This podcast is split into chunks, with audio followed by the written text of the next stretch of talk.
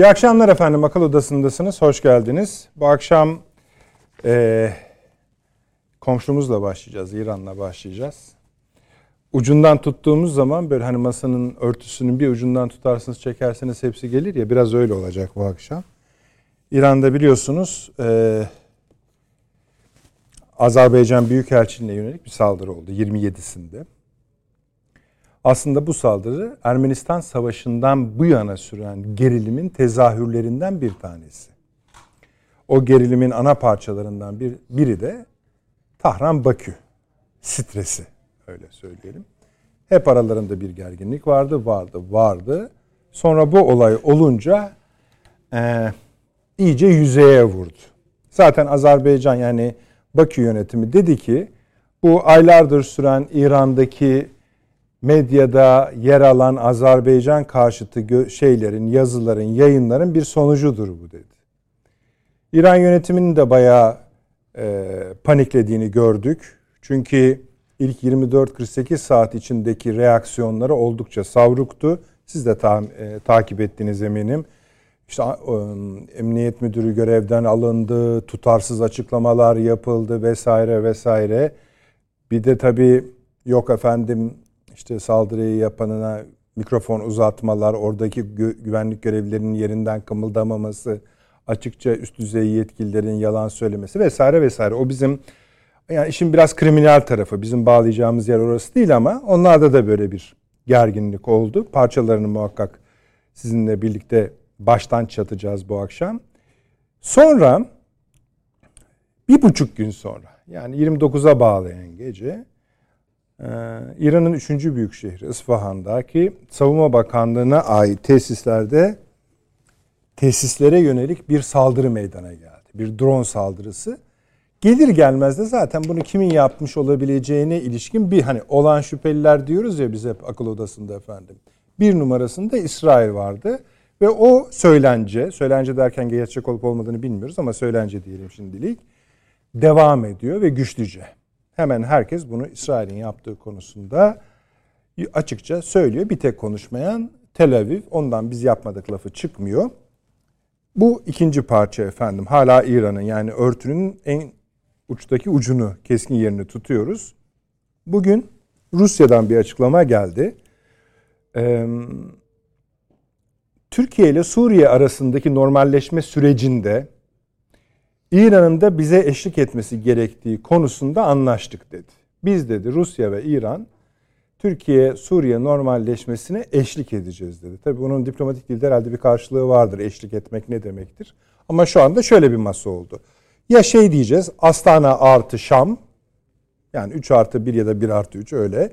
Ya da artık bir Rusya, İran, Türkiye, Suriye masası var ortada diyeceğiz. Şimdi bu üçlüyü e, birleştirerek yani buradaki e, dedik ya baştan çatalım. Onu çatarak yola çıkacağız bu akşam.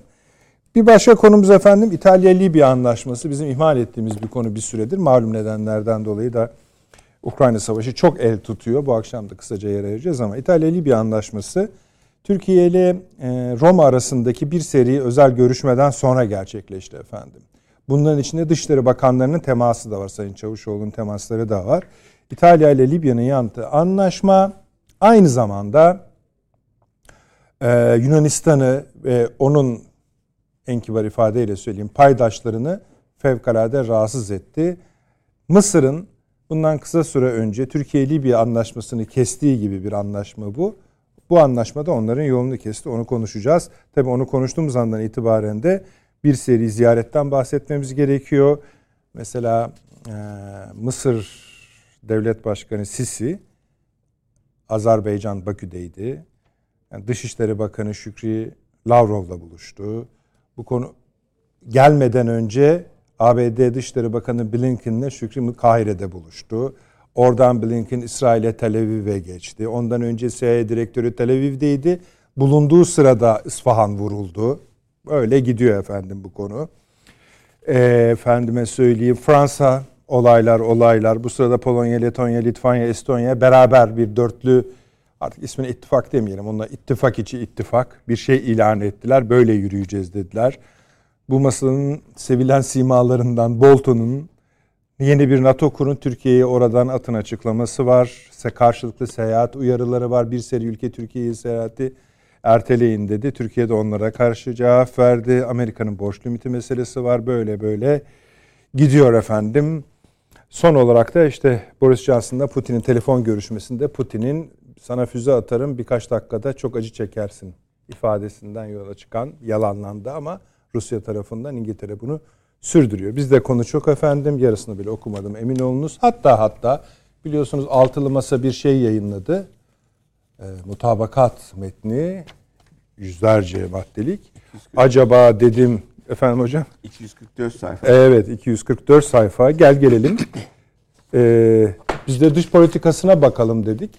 Tabii önce bir bakalım ne yazılmış dedik. Fakat sonra da şöyle oldu en azından ben öyle dedim. Ya bu tamam bunu konuşursak 3-5 dakikadan sonra ne konuşacağız gibi bir durum ortaya çıktı. Tek cümleden oluşan bir manzume ama ayrıca tabii incelenmesi de gerekir. Belki onu daha çok yazarız efendim. Avni abi hoş geldiniz. hoş bulduk. Ee, Sayın Avni Özgürel Yeni Bilgi Gazetesi yazarı Profesör Doktor Süleyman Seyfi Öğün Hocam İstanbul Ticaret Üniversitesi öğretim üyesi. Hocam şeref verdiniz, hoş geldiniz. Profesör Doktor Hasan Köni İstanbul Kültür Üniversitesi öğretim üyesi. Kıymetli hocam şeref verdiniz, hoş geldiniz.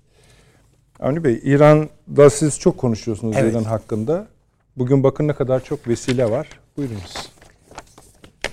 Ee, Bu arada bir şey daha söyleyeyim. Bu evet. E, özür dilerim. Yani şunun alt başlıkları da var. Ee, bu Irak Irak'ı da bağlantılı olarak konuşmamız gerekebilir. Çünkü Tabii, bu sefer öyle. burada hatırlayacaksınız bir sınır muhafızları meselesi çıkmıştı.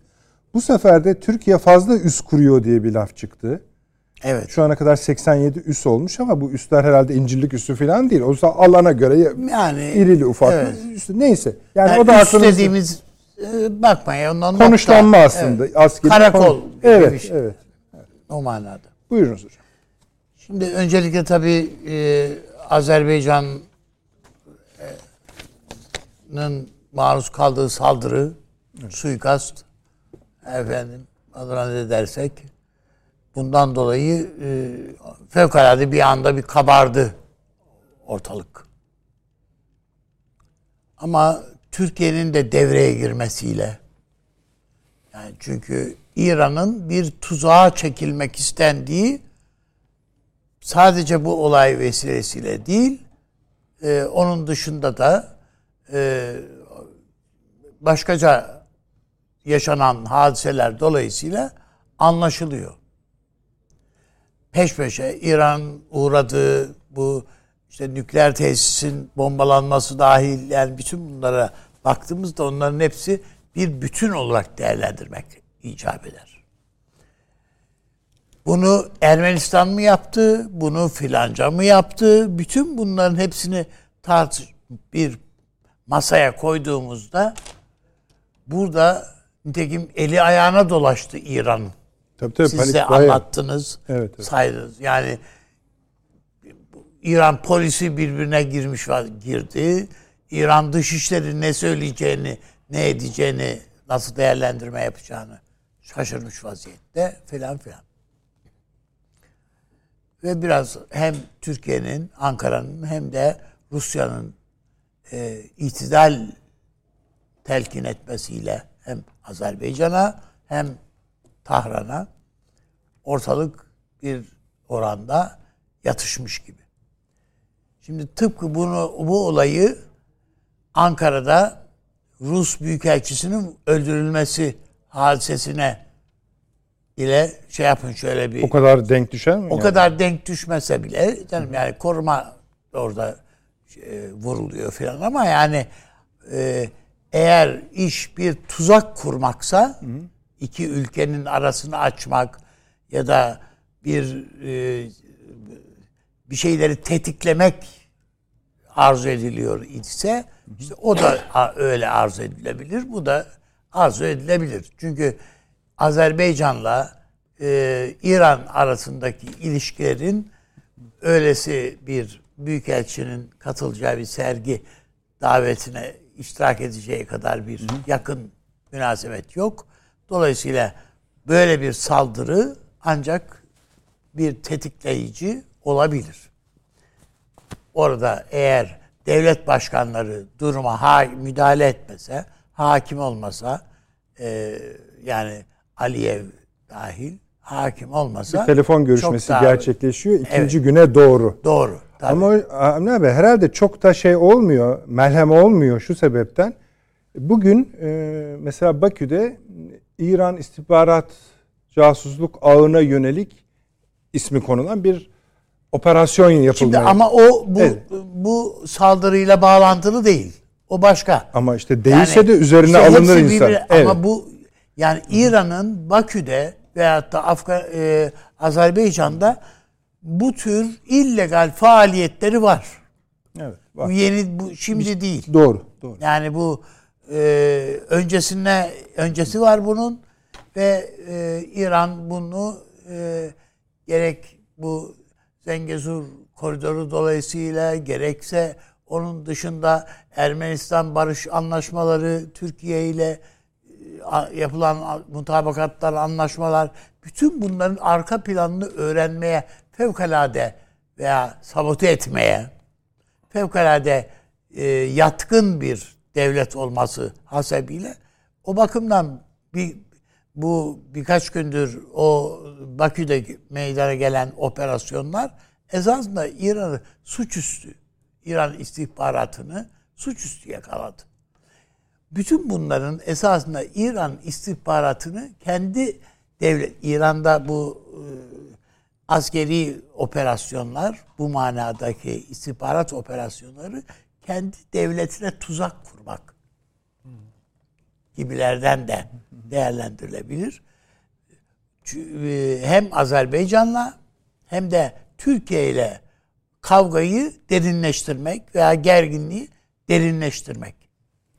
Her ne kadar radikal bir takım e, eğilimler şu anda İran'ın İran yönetiminde hakim kişilere atfedilir idiyse de ama yine de bu insanlar aklı selim sahibi kişiler. Yani bunlar Türkiye ile kavganın kendilerine hayır getirmeyeceğini bilirler. Hele hele Amerika bile bu şey saldırısında, bu nükleer tesislere yapılan hı hı. saldırıda burada aman ha bunlar bu İsrail'a diye uyarma ihtiyacını ben hissediyor. Değilim dedi. Ben, ben değilim demek İsrail demek. Tabii tabii öyle de o da sıyrılmaya çalışıyor. tabii. Yani.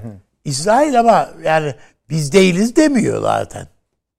Yani bunu biz yapmış değiliz demiyor. İşte onu Ve kazı... dikkat ederseniz o e, nükleer tesise İsrail saldırısına ilişkin olarak İran'dan gelen açıklamalarda da daima biz ya güvenmemeye çalışıyorlar. Dikkat ederseniz İran'dan gelen açıklamalar biz bizim nükleer araştırmalarımız hep barışçı. Biz bu konuyu e, devamlı anlatmaya çalışıyoruz.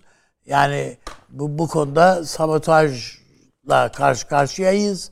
E, bir türlü derdimizi anlatmakta zorluk çekiyoruz falan havasında gelen açıklamalar. Rusya'nın da müdahil olmasıyla sizin de ifade ettiğiniz işte bu Astana artı Şam meselesi. Öyle diyoruz yani hani ki, ismi başka öyle yani. ki gör, re, yani fiilen görünen o tablo. Hepimiz yani biz de burada uzunca bir zamandır uzunca bir zamandır dediğimde yani birkaç aydır işte en azından Suriye normalleşme meselesi falan konuşulmaya başlandığından beri özellikle de işin içine Suriye'yi katmadan, Suriye yönetimini katmadan bu işin e, pişirilemeyeceğini, bu yemeğin pişirilemeyeceğini hep konuşa geldik. Yani o ayrı mesele. Ha Suriye'nin varlığı ne sonuç doğurur? Onu çeşitli vesilelerle Süleyman Hoca anlattı. Yani bunun bir faydası olmaz ama zararı mani olur. Anlatabiliyor muyum? Yani e, defi bela kabilinden bir şey faydası var. Dolayısıyla Rusya'nın müdahalesiyle böyle bir zeminin, böyle bir platformun oluşturulmasını hepimiz biliyoruz ki şu faydası var. Suriye'yi de Suriye'nin geleceğini belirleyecek olan yapı mutlaka ve mutlaka Rusya ve İran'ın dahiliyle mümkün. Hele eğer Türkiye orada bir çözüm zemini, bir platform oluşturmak istiyorsa bunun içinde mutlaka İran ve Rusya olmalı. Evet, bizim orada karşımızda bir Amerika Birleşik Devletleri var. Şimdi Avni abi buraya kadar tamam da Hı. şimdi bu masa daha zorlaşmadı mı? Neden dolayı? İran'dan dolayı mı? E, hepsi üçü de birlikte olunca hayır, diye hayır, düşünebiliriz. Şöyle yani her devletin şimdi biz bazı şeyleri düşünürken yani burada bunu da söylemek lazım yani açıkça. Bazı şeyleri düşünürken hep evet kendi ülkemizin menfaatleri açısından bakmıyoruz evet. ve şöyle olsa böyle olsa iyi olur diyoruz. E bu İran'ın da senelerdir orada verdiği bir kavga var. Değil mi? Bunu görmemek mümkün mü? Biz mesela çok kızıyoruz değil mi? Esad'dan gelen açıklamalara. Ya adamın kendi ülkesi bizim ülkenin bizim bir tarafına birisi bir şey olsa biz yani yani birin, görüşmemizin birinci şartı sen önce burayı boşalt kardeşim. Demez miyiz yani? Ama biz bunun bir mecburiyet tahtında Şam'dan yükselen bir itiraz veya bir tepki olduğunu bilerek o müzakereleri götürüyoruz. Normalleşme şeyinde hiç kafasını takıyor mu bizim Dışişleri Bakanımız? Esat'tan gelen o açıklamalara yok. Tabii tabii. tabii. Yani usulen söylenmiş muamelesi görüyor. Aynen. Yapıyor. Öyle. İşte bu da bunun gibi yani. yani zaten bir ay sonra 15 gün sonra masaya Ama oturacağını İran'a İran'a öyle bakamayız. İran orada çıkarları olduğunu olan, olan bunu ortaya koyan, orada bir takım şeyleri, hedefleri ne belirlemiş, ilan etmiş. Bir takım anlaşmalar yapmış. Şam yönetimiyle falan. Ve Rusya ile bir takım anlaşmalar yaparak girmiş adam yani. Biz efendim terör şeyini ve efendim e, bu Ankara Anlaşması şu bu o, yani biz bir takım e, güvenlik anlaşmalarımızı e, öne sürerek girdik. Onlar öyle değil ki adam davet etmişler gel diye. Değil mi? Şam yönetimi davet etmiş. Ben hakim olamıyorum gel diye. Dolayısıyla yani burada o yapıyı e, yapıya eğer öyle bir şey kurulmuş ise ben bunun Suriye'de Türkiye'yi de hedeflerine taşıyacak bu illa biz yani bu hani şeyde e, tombala çevirir gibi böyle hepsini al gelmez yani. Mutlaka biz bir takım şeyleri e, den vazgeçeceğiz. Onlar bir takım şeylerden vazgeçecekler. Dolayısıyla biz kendi güvenliğimiz açısından taleplerimizi ne kadar azami oranda yerine şey yapabilirsek bu Türkiye'nin menfaatidir zaten. Peki bu Dolayısıyla da ben hem Rusya'nın hem İran'ın o yapının e, bir garantör gibi o şeyin e, yürümesine dikey hatırlayın yani bu arada İran Dışişleri Bakanı falan Türkiye'ye geldiler. Yani hem de en kritik günlerde geldiler yani Türkiye'ye. E, şey de gelecek şimdi biliyorsunuz. E, Cumhurbaşkanı. Ha tabii yani hepsi yani bunlar onun için yani İran kendi çıkarlarının da Türkiye ile uzlaşmaktan geçtiğini biliyor. Bunun engelleyicisi olan kendi ülkesinin içindeki bir takım unsurlar olduğunu da biliyorlar. Farkındalar yani bunlar. Bazen devletlerin kendi bünyelerindeki yapılar, kurumsal yapılar o devlete devlete karşı tuzak kurabilirler. Var yani İran'da ilk defa olmuyor bunlar. Yani rejimin yap, yapısından kaynaklanan bir takım şeyler var. Sıkıntılar var. Ben o Peki, bakımdan son derece doğru bir yaklaşım Peki bu Astana biz ismini öyle koyduk şimdi de Astana ha, artı Şam, Şam diye. Şam'a Amerika evet, ne ben, diyecek? Kim? Amerika. Ya bu zaten bu bizim ev, bir Hastalığı size bulaşmış olduğuna inanamıyorum yani. Ben sizi yani kızdırmak için- Amerika ne diyecek? Ne diyecekse desin yani. Ne yapayım? Ne yapalım müttefiğiniz yani? Şimdi ya. adam yani hazine müsteşarı adamın hazine bakanı değil mi? Evet, evet. Türkiye'ye geliyor. E Tabii. biz ne için geldiğini biliyoruz değil mi? Bu yani Ru- Rusya yatırım- zılgıt çekmeye geliyor adam. Yani e bunu bile bile yani ne yapalım buna şey mi yani bunun ne olduğunu biliyoruz. Tabii tabii bu Rusya yaptığı Dolayısıyla Amerika neye ne diyecek? Yani bizim bu ambargoları ne kadar hassasiyetle takip ettiğimizi denetleyecek bu. Bu Ruslara, bu ambargolar. Daha çok diyecekmiş. Bu, işte bu şeyde Karadeniz'de bekleyen şeyler e, efendim Gemiler, gemiler, e, petrol yüklü filan yani bunlar için denetleyecek adam bizi.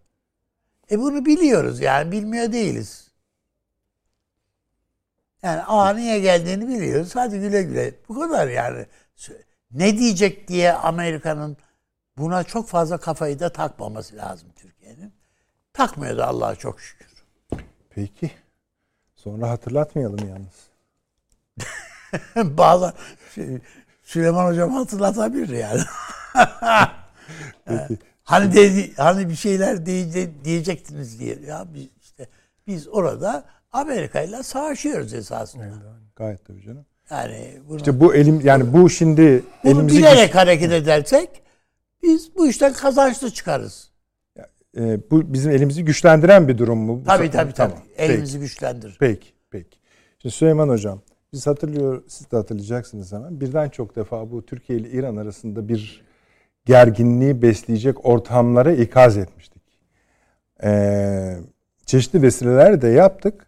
Ama her zaman şöyle bir cümleyle sona erdi. Ama bu iki ülke 10 yıllardır çok çok çok uzun zamandır birbirlerini tanıyan ülke, bölgeyi bilen ülke. Birbirlerine bakarlarken o kadar hani boşa basmazlar diye. Şimdi mesela Azerbaycan Büyükelçiliğine yönelik saldırıdan sonra Türkiye'de açıklama yaptı. Bunu hem kınadı hem de durduğu yeri de net bir şekilde hatırlattı herkese. Bu herkesin içinde elbette İran'da var. Yani anlam herkesin bunu anlaması gerekiyor. Şimdi aynı sorular üç parçalı soru sizin için geçerli. Ee, ama bu işte e, şunu da eklemek isterim. Sizin aklınızda bu İsfahan'daki saldırıda İsrail söylüyoruz ama olan şüphelileriniz başkası geliyor mu aklınıza? Yani tabii şimdi Yine siz isterseniz bir kendi sıranızla gidin yeriniz Evet. gelince şey yaparsınız. şöyle e, bir kere son belki 6-7 senedir kabaca e, bu bölgede NATO müttefiki olan Türkiye ile e, Rusya ve NATO'nun gene can düşmanı olarak ilan ettiği en azından kağıt üzerinde İran arasında tuhaf bir yakınlaşma var. Yani şimdi Rusya'yı anlıyoruz. Rusya ile NATO'nun ezelden beri bir derdi var. Yani bu, bugün belki de artık savaş noktasındalar. İran'ı ta 1980'den beri izliyoruz. Batı sisteminin tamamen dışarıda tuttuğu, ambargolar koy- koyduğu, yaptırımlar uyguladığı bir devlet. Türkiye bunlarla birlikte dans etmeye başladı. Şimdi sebep ne? Sebep Amerika'nın üstadımızın çok net söylediği gibi Türkiye ile adeta örtülü bir savaş yürütmeye başlaması. Yani Türkiye dışlandığı için tehdit birinci derecede kendi müttefiklerinden gelmeye başladığı için ve nihayet ayındığı için duruma vaziyet ediyor. Ve bakıyor ki yani burada iş tutacağı işte İran var, Rusya var. Pratik zorunluluklardan kaynaklandı bu. Ama giderek kök salıyor. Bunu da görmemiz lazım. Şimdi bunu bir kere bozmak istediler. Yani işte Amer şey Rusya ile Türkiye arasını açmak için uçak düşürmekten elçi vurmaya kadar başka daha türlü olmadı. Şimdi Rus devlet aklıyla Rus hariciye aklıyla Türk e, hariciye aklı, Türk devlet aklı bir şey yaptı. Ee, bir ittifak kurmasa bile bir erken uyarı sistemi geliştirdi aralarında. Yani aman oyuna gelmeyelim. Yani birimiz bir zaaf gösterirse öbürümüz uyarsın. Yani bunu karşılıklı olarak bir sisteme oturtalım. Bununla da kalmadı. İşbirliği gelişti.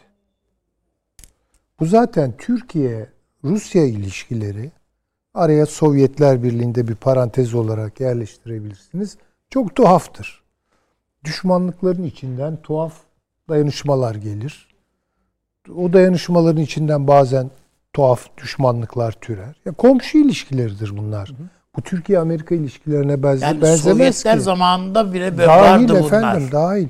Ya bugün ağır sanayi tarihimizi yazsanız Evet. Sovyetler Birliği'nin yatırımları çıkar. Başka bir şey yok. Amerika'dan bir kuruş damlamadı ki. Bir dolar damlamadı ki yani. E, bu, bu açık.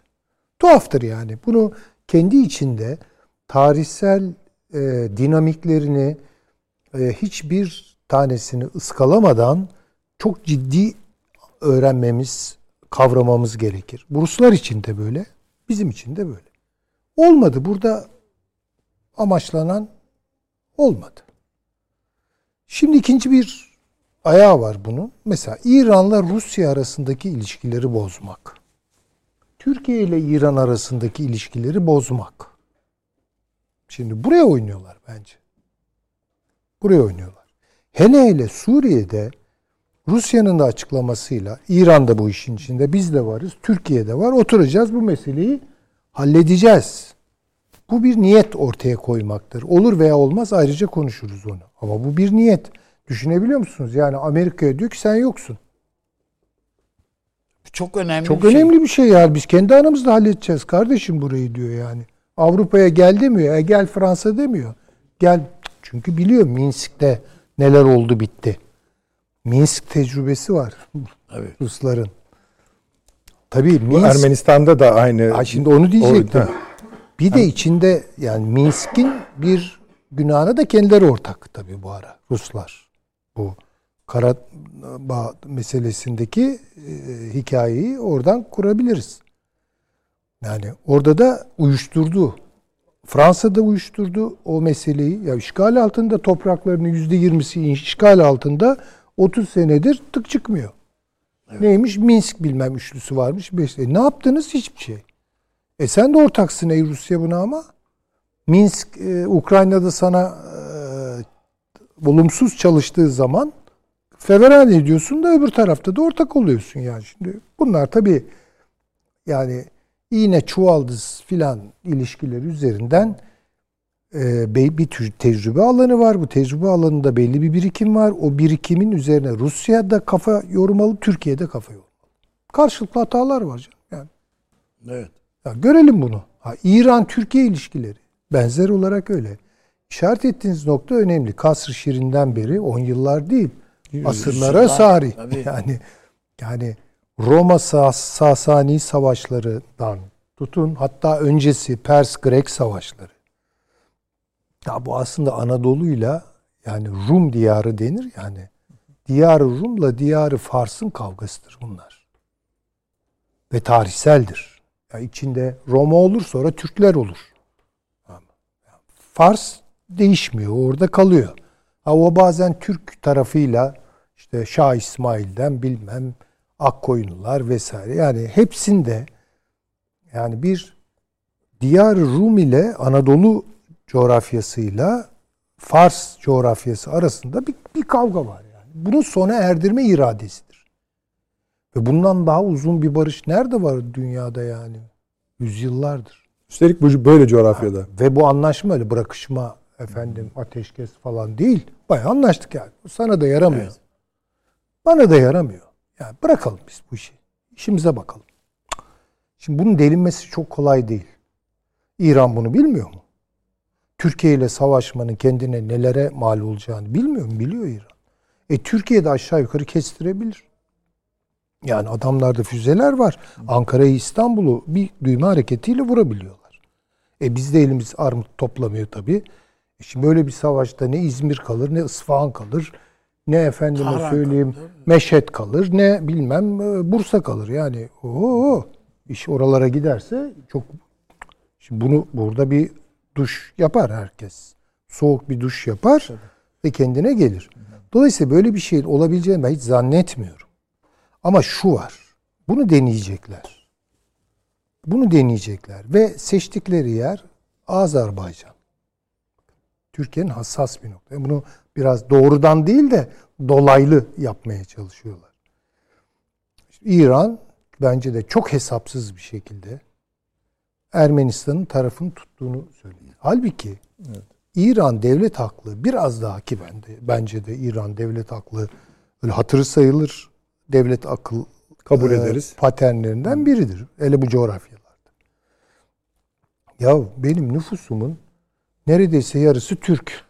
O demin panik lafı geçti ya ha, biraz işte ondan da korktular. Bak, paniklediler. Halbuki buna gerek yok. Olduğu için mesela. yani şöyle yapsalar sahip çıksalar Zaten gösteriler devam ediyor biliyorsunuz. Ha yani mesela ya bizim işte coğrafyamızda İran'dır burası. İranlılar değişik değişik insanlardır. Yani işte Beluçlar var, Farslar var, e, neyse Türkler var. Bunu desteklese bir kere kendi nüfusunu kazanır. Tebriz'i kazanır. Urmiye'yi kazanır. Öyle mi? Tabii. Bir şeye ortak olur. Yani mesela Azerbaycan'dan gelecek bir refah artışı, bereket artışında da bir paylaşımda rahatlatır yani nüfuslarını. Gidişler olur, gelişler olur vesaire. Yani şimdi Allah aşkına Bulgaristan'da bir ara Türklere yapılanları hatırlayalım değil mi yani? İsimleri değiştiriyorlardı falan. Evet. Şimdi bakıyorsunuz hiç sanki bu sorunlar yaşanmadı. Çünkü Bulgar aklı aklını başına aldı çünkü. Bulgaristan Tabii. sözüm ona Avrupa topluluğuna giriyor. Fakat bu Bulgarlar Almanya'ya kaçıyorlar. Nüfus azaldı. Ha, tamam yani. Neticede yani Ve bugün Türkler Bulgaristan'da yaşayan Türkler giriyor, çıkıyor Avrupa vatandaşları. Yani gayet güzel işte yani. Ne adamlara Türksün diye bir yani orada Hak ve Özgürlükler Partisi bir şey var değil mi? Türk Partisi. Evet, öyle. Giriyor seçimlere. Yunan Bulgaristan'ın birliği ve dirliğiyle de hiç oynamıyor. Tabii ki o da böyle ayrılıkçı, evet, sorumsuz evet. açıklamalar yapmıyor. E şimdi bu niye olmasın İran için? Böylesine önemli, yarısı neredeyse nüfusunun Türk olmakla anti-Türk bir siyaset yapılır mı? Akıllara, fikirlere zarar bir şey. Şimdi bu Ermenistan'daki Ermenistan'ın yanında durma meselesi ki silah da veriyor yani. Silah da veriyor. Durma meselesi. Biraz şöyle mi düşünüyorlar acaba? E, Azerbaycan'da İsrail var. Ermenistan'da da e, ben olayım. Ama peki mesela Ruslar yani böyle mesela bir şey. Ne oraya geleceğim. Ha, Şimdi yani. sonuçta Ermenistan ne durumda diye bakınca İran'ın destek verdiği tamamen e, Batı yanlısı işte Avrupa Birliği Biliyorsunuz daha yeni. CIA direktörü oradaydı. MI6'in direktörü oradaydı. Oradaydı. Oraya On, bir de Avrupa Birliği'nin e bu komisyonu içine nasıl sindirebiliyorsun diye İran'a ya, sormak. Sorulmaz mı yani şimdi ha? Yani komisyon bu, da geldi. Şimdi 100 tabii, kişi, 100 sadece tane İsrail olsa orada hadi tamam diyeceğim yani ki İsrail orada ne kadar var Allah Tabii aşkına yani. Tamam Ama yok değil var da. öyle ya hocam. Şimdi burada yanlış bir e, ata oynadılar bence. Halbuki bu süreci sırtlan, paylaş, Türkiye ile dayanışmaya gir. İşte bu. E, Azerbaycan'la dayanışmaya gir ve Ermenistan orada offside'a düşsün. Şimdi tabii öyle olmuyor maalesef. Ama tarihe bir defa baksa bizim seyircilerimize de onu hatırlatalım. Otluk Beli Savaşı. Tabii söyledim demin. Yani, yani Uzun, Uzun Hasan, Hasan meselesi var. Ve Fatih Sultan Mehmet. Yani o Otluk Beli Savaşı'nın olduğu yerde bir anıt var hocam. İki Türk devleti nasıl kapıştı ve nasıl yok Ama işte onun arkasında diye. Fars Onun bir anıtı vardı. var işte. O dediğiniz doğru. Fars Onun aklı vardı yani. Fars O öyle başka bir şey o. Şimdi herkesin o anıta bakıp ders ders çıkarması evet. lazım. Şimdi şöyle bir şey var. Ee, İran'ın e, yaşadığı tecrübe rejimi artık çok yorulduğunu, çok yozlaştığını, çürüdüğünü hepsini gösteriyor. Ve İran'da farklı farklı siyasi akıllar türedi. Anlayabildiğim kadarıyla. Bir ne kısmı demek? devrim e, bilmem muhafızları, bir kısmı ordu, yani tahmin ediyorum İran'ın müesseseleri içerisinde bunlar kendi aralarında da bir rekabet, bir gerilim içerisindeler. Bu hal İran'ı operasyonları açık hale getiriyor söyleyeyim. Öyle doğru. Çok rahat. Şimdi aynı şeyi İsrail için de söyleyeceğim ama. Geçmeden anladım ben nereye yani geçelim Şimdi bu- geçelim şeyi hatırladım yalnız. Ha yüzde elli yüzde elliler var ya. Yani işte 51 ile biri geçiyor. Öbürü 49'da kalıyor. Öbürü 50. Şimdi bunlar o gayet normal demokrasinin içinde de bunların içeriği niye yüzde 51 yüzde 51 niye yüzde 49 yüzde 49 bunların içeriğine baktığınız zaman eğer bunların içeriği toplumda uzlaşması zor çelişkileri ifade ediyorsa buna kutuplaşma mı deniliyor? Her neyse. O e, devletler, o toplumlar, o uluslar operasyonlar açık hale gelir. Ben söyleyeyim. Yoksa hani baraj yapılsın diyenler uyduruyor mesela %51'dir de yapılmasın diyenler 49'da kalmıştır. Böyle meselelere dayalı olarak işte gelir dağılımı, ücret politikaları filan yani reel politik şeylere oturuyorsa mesele yok. Zaten %51, %49. Fakat bunların içinde yaşam tarzları, Evet öyle. inançlar, yok bilmem ideolojiler bilmem ne. Oho yani o bak o Toparlanmaz. yani. o oralar operasyonu açık. Amerika'nın durumu da böyledir. Ama gördüğüm kadarıyla şu an İsrail'de, e, İran'da e, henüz yani siyasal akıllarını zaafa uğratacak meselelerin dışında değiller. İkisi de bu işin e, bence taraflarını oluşturuyorlar. Netanyahu ve yanında o iki e, Siyonist Evet. yani Siyonist de değil de hepsi yani aşırı dinci, fundamentalist falan bu adamların aklıyla bir ülke yönetmeye falan kalkarsanız İran'daki Molla aklıyla oradaki aşırı e, Yahudi e, inançları üzerine kurulu siyaset yapan insanların aklı totoloji verir size. Totoloji biliyorsun sıfır toplam. Evet. Yani o o onun yansımasıdır aslında. Burada ortak. Bu tehlikeli bir şey. Dolayısıyla burada bir şey var. Ee, nasıl söyleyeyim? Bir e, topraklanmamış bazı şeyler var. Dikkat etmemiz lazım Türkiye olarak. Tabii çok ve çok iyi yaptı Türkiye. İsrail'in İtidal. bu ortamdaki açmasının da altını çizdiğiniz iyi oldu. Çünkü başka sorunları da var. Mesela Var tabii, tabii Rusya yani. ile ilişkileri, Amerika ile ilişkileri. Yani bir sürü Amerikalı gidip geliyor. Ama mesele o değil. Bu protesto gösterileri, bu protesto Tabii, tabii gösterilerini canım, tabii. üzerini kapamak için eee, hala o Müslümanlara yönelik, Filistin'e yönelik, işgal altındaki topraklara yönelik, Doğu Kudüs'e yönelik Daha acımasız. evet rezil saldırılarını daha Tabii. da arttırarak bir de şimdi şey çıkardılar biliyorsunuz. Bu yerleşim yerlerindeki İsraillerin herkese silah vereceğim diyor adam. Tabii tabii. Ta- silah işte pat- nereden Tabii yani. patlarsan patla. O anayasa hikayesi falan. Şimdi şu İran'a bakın gösteriler görüyorsunuz değil mi? Tabii. İyi- Amerika, İsrail'e bakıyorsunuz. Amerika bile İsrail'e panikte hocam. bakıyorsunuz. Orada Orta da Doğu'ya orada da ziyarete gidiyor. gösteriler görüyorsunuz. Gösteri gösteri. Bu bu yani teller biraz kablosuz demektir o. Yani Ve bunun bir siyasete evet. yansımaları da olacaktır ister istemez. Ama Türkiye fevkalade iyi karar vermiştir. İtidal. Hiç böyle Evet, öyle, biliyor. Ne güzel bir yaklaşım. Ah şunu Suriye'de zamanda becerseydik ya. Yani. Neyse olan oldu. Önümüzdeki Dökülen maçları. su toplanmıyor ama e, inşallah bundan sonra Siz düzelir. de Avni Çünkü Bey'le bu aynı düşünüyorsunuz o zaman bu. Blinken boşu boşuna gitmiyor yani bu Mısır'la şeye İsrail'e. işte tabii yani daha kötü bir şey Amerika'da başımızı belaya sokuyorsunuz demeye Şimdi gidiyor. bakın kağıt üzerinde baksak onu da söyleyeyim bitireyim. Kağıt üzerinde baksak e, Netanyahu'yla Amerika'daki işte şu an demokratlar arasında bir değil mi yani efendim bunlar hiç önemli değil. Akdeniz'de bunlar tatbikat yaptılar 3 gün evvel. Tabii tabii. Bu ayrı alamet değildir. Blinken gidiyorsa, CIA'in bilmem en yüksek top ismi Burns gidiyorsa. Yani vallahi bu seyahat direktörünün de ben hani tebrik Ama- edeyim yani dokunduğu yer anında alev alıyor. Alev yani. al- e, ama olur Dokundu tabii yani. ki. Diğerleri öyle değil, performanslı Tabii ki. değil. İşte onun için Ermenistan'dan o. Ben daha önce söyledim. Ermenistan'dan bekliyorum. Yani Kafkasya'da bu işi büyütmek istiyorlar.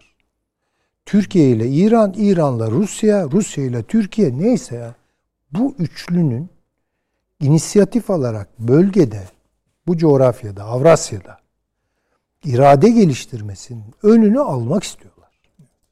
Yani siz o, o zaman şunu da söylemiş oluyorsunuz. Türkiye, İran, e, Rusya artı Şam iyidir diyorsunuz şu anda. E yani taraflardır bunlar. Tabii tabii. Yani şimdi Amerika değildir burada taraf ya.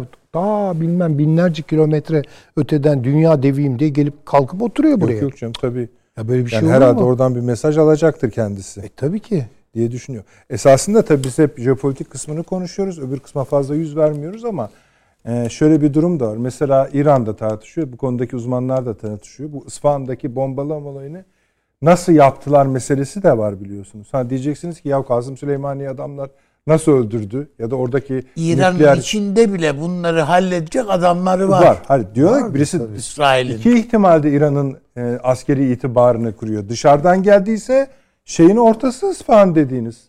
İran'ın ortası, şeyin altı, Tahran'ın altı. Adam dışarıdan geldiyse ayrı bir sorun. Yok, dronlar eliyle içeriden gel gelip hani kısa mesafeden yaptıysa apayrı bir sorun. İşte onları da tartışıyorlar, konuşuyorlar. Biz sonuç biz şu anda jeopolitiğini konuşuyoruz. Tabii. Evet. Hasan hocam çok kızdık. Buyurun siz bizi sakin. Estağfurullah ben dinliyorum. Evet, buyurunuz. Şimdi bu Amerikan filmlerinde böyle olaylar olduğu zaman soruyorlar. Bu nedir falan. Diyor ki too complicated. Yani çok karışık falan. Şimdi bu olay da öyle. Too complicated. Niye too complicated? Birçok sebepten birçok ülkenin eli bu bölgede. Yani Kafkaslar'da şimdi. Şimdi İran bu bölgede Türkiye'nin Azerbaycan'a Ermenistan'la savaşından sonra Zengezur koridorunun açılmasıyla birlikte Güney İran'daki 30 milyona yakın Türklere, Azeriler diyorlar ama Türkler yani onlar Azeri Türklere yakınlığı ve Azerbaycan içinde Azeri Türk milliyetçiliğinin doğması. Şimdi demin kazayla bastım. Oradaki bir albayın konuşmaları var. Ey 30 milyon Azeri mollaların altında eziliyorsunuz. Sizi kurtaracağız. Şimdi ben buradan bunu izlediğime göre İran istihbaratı bunları izliyor. Şimdi 30 milyonluk bir kütle ve Türk kütlesi ve yukarıdaki kuzeyindeki kitle bir savaş kazanmış. Türkiye'de yanına gelmiş. Ve Türkiye'de İran'ın komşusu. Şöyle bakıyorsunuz 85 10-15 var mıdır? Şey Azerbaycan, Azerbaycan. 12 falan herhalde. Yani böyle Bakalım. bir- Siz devam edin. 100 110 milyonluk 17. Hı? 17 mi? Hı. bir, kit- 110 milyonluk 120 milyonluk bir kitlede hareketlenme var. Şimdi öyle algılıyor. Yani Türk kitlesinde bir hareketlenme var. Fazadan da Türk şey Kürtler de Pejak hareketiyle kadın hareketine müthiş destek veriyorlar. 10.1 hocam. 10 nokta 83 bizi sayın hani resmi 93. 90. E şey İran'ın içinde 30 30 var diyorlar. 30 diyor buradaki konuşmada. 20. Yani 120 milyon diyelim. Bir kitle bu korkutucu yani psikolojik olarak Türkiye'nin herhangi bir milliyetçi hareketi burada desteklediği şimdiye kadar görmemiş. 1639'dan beri de bir kavgamız yok bunlarla. Küçük sınır değişiklikleri yapmışız. İşte lehimize onların da Ağrı Dağı'nın bir yerine kadar falan. Burada bir ama şimdi problem çıkarmak gerekiyor. Niye gerekiyor? Bir kere Türkiye ile İran'ın arasının açılması Amerika açısından çok iyi. Bu bir. Böylece dolaylı olarak Rusya ile de Türkiye'nin Rusya'nın İran'ın yanında yer almasıyla arası açılabilir oluyor. Aslında demin e, Nedret'in söylediği çok doğru. E, bu toplantıda Astana artı İran toplantısında Şam. Şam'la bir Şam toplantısında Türkiye burada barış yapacağım, olayları çözeceğim diyorsa Amerika orada, İsrail de buna katiyen izin vermeyeceği için demek ki bu olay çözülmeyecek. O zaman diğer devletler diyor ki böyle bir durum varsa İran'da oradaysa İran'ın orada bulunmasına İsrail asla izin vermediği için çünkü kendisi İsrail üzerine doğru Lübnan'dan sarkıyor. O halde burası çözülmeyecek diyor. Türkiye'nin söyledikleri belki birkaç küçük operasyon yapabilirler. Bunun dışındaki edebiyatta kalacak diyor bu olay. Bir kere bunu düşünüyorlar. Peşinden ikinci bir olay daha var. Karabağ ile Ermenistan arasında bir koridor var. Şimdi o koridorun iki tarafında madenler var. O madenlerin işletilmesi ve onların kontrol edilmesi Azerbaycan'ın hakkı. Onlara Ermeniler izin vermiyor. Ermeniler izin vermediği durumda Ruslar Ermenileri koruyor. Bu hat üzerinde Azeriler gösteri yapıyorlar devamlı. Yani bu madenleri işletme bizim hakkımızdır. Bu koridorda biz gerekli özgürlüğü sağlıyoruz. İstedikleri zaman istedikleri şekilde Karabağ geçiyorlar. Fakat bir de Rus iş adamı olan Ermenistan'a gelen Rusların mı gönderdiği, getirmediğini bir e, iş adamı da bakan yaptılar. Bu bakan da bu olayı kaşıyor ve olayı şeye çeviriyor. Karabağ'daki Ermenileri Azeriler boğarak ikinci bir soykırımı yapıyorlar. Çünkü soykırımı kafası Batı'nın içinde var ya, bu psikolojiyi de ortaya koyuyorlar. Şimdi bakıyorsunuz burada İran Ermenistan'ın yanında Zengezur koridoru nedeniyle Türkiye Azerbaycan'ın yanında Azerbaycan milliyetçiliği coşmuş durumda. Mollaların altındaki 30 milyon kardeşimizi kurtaracağız diyorlar. Bu sırada Pejak bir takım hareketlere giriyor. Amerika'da buranın dağılması ve Ermenistan'ı Fransa ile birlikte destekliyor. Ermenistan'ı destekliyor. Ruslardan ayırabilmek için bakın bunlar takım güvenlik işbirliği içindesiniz ama böyle bir örgütlenme de var. Yeteri kadar koruyamıyor. Biz sizi koruyabiliriz. Buradan da Gürcistan'daki Hı. hareketi destekler miyiz boyutunda bir çaba var. O yüzden iç içe geçmiş karmaşık boyutlar içinde ama olayın içinde Amerika var. İkinci bir söyledikleri de Azerbaycan'ın güçlenmesinde e, bu tür olayların gelişmesinde biz İsrail'i sınırımızda yani Zengezur'da istemiyoruz diyorlar. Yani birkaç drone sattı, yani insansız uçak sattı falan filan bu olaylar da var. Şimdi bu hakikaten e, onun garantisi olarak da İran'a diyor ki e, Suriye konusunda siz de varsınız. Bu da Rusya'nın ona tavizi. Şimdi bu olay biraz daha karışık hale gelecek. Türkiye ufak bir operasyon yaptığı zaman İran diyecek ki biz buna işte konuşmuştuk izin vermiyoruz. Zaten Amerika da izin vermiyor. Rusya izin vermiyor. Peki siz bu olayları nasıl çözeceksiniz? Çözemeyeceksiniz. O halde başka bir boyuta girmeniz lazım. Ve bu sıradaki gelişmeler de başka türlü gelişiyor. Bu Kafkaslar cephesi. Bu yapı ileride olay çıkaracak bir yapıya doğru evriliyor. Doğu Akdeniz'de biraz sonra olaylar çıkabilir. Gelişmelerden memnun olmayanlar nedeniyle. Yukarımızda tekrar işte bu Ukrayna Savaşı nedeniyle olaylar var. Klasik 92'lerdeki e, Türkiye şeytan üçgeninde diye falan o zaman kitaplar çıkmıştı. Evet evet. İşte Balkanlarda savaş, Kafkaslar'da savaş, Orta Doğu'da savaş. Ortada bir sakinlik kalesi, NATO ülkesi Türkiye filan. Şimdi gene yukarısı, yan tarafı, aşağısı böyle bir heyecanlanma dalgası içinde. Gene bu üçgenin içine giriyoruz. Ama bu sefer yapılar değişik. Nasıl değişik? Ee, siyasi bir takım parçalanmalar varken şimdi ekonomik gruplaşmalar otoriter ve demokratik rejimler arası savaş diye bir model ortaya çıkarttılar. Ve Türkiye gene bunun ortasında. Yani eskiden sosyalist rejimle kapitalist rejimin ortasında bir ülkeydi. Şimdi iki kapitalist rejim, biri demokratik, öbürü otokratik rejimler arasında gene ortada bir ülke acaba nasıl evrilecek? Nasıl evrilecek? Olayları günü gününe takip etmek istiyoruz. Geçen sefer Süleyman Hocam galiba söyledi ne kadar iyiydi. Eskiden Sovyetler Birliği vardı. Bir olay olduğu zaman bu komünistler bu olayı yaptı falan bir takım çözümler yapıyorduk. Şimdi işte o complicated yani Daha olay karışık. çok karışık. Bunu ben sana izah etmem. Sen beni takip et gibi bir şey söylemek gerekiyor.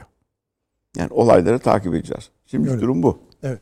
Şimdi mes- ama me- mesela sadece çok sayıda olayı takip etmekle yorulmuyoruz. Aynı zamanda bunların e, biraz sadeleştirmek zorunda kalıyoruz. İyi bir şey esasında Türkiye'nin de e, dışarıya daha çok bakmaya başladığı bir dönemde bu tür egzersizlerin ben çok öğretici olduğunu düşünüyorum.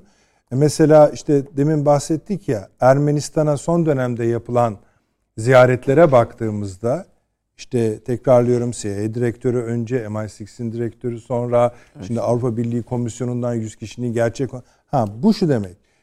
Bu alanlara biz hani çomaklayacağız demek. Özü bu bunun bu. E tabii o- Bunun içinde İran Azerbaycan sınırı da var. İran Türkiye sınırı da var. İs- İsrail yani mesela şeyle arasında bağ kurmayalım mı?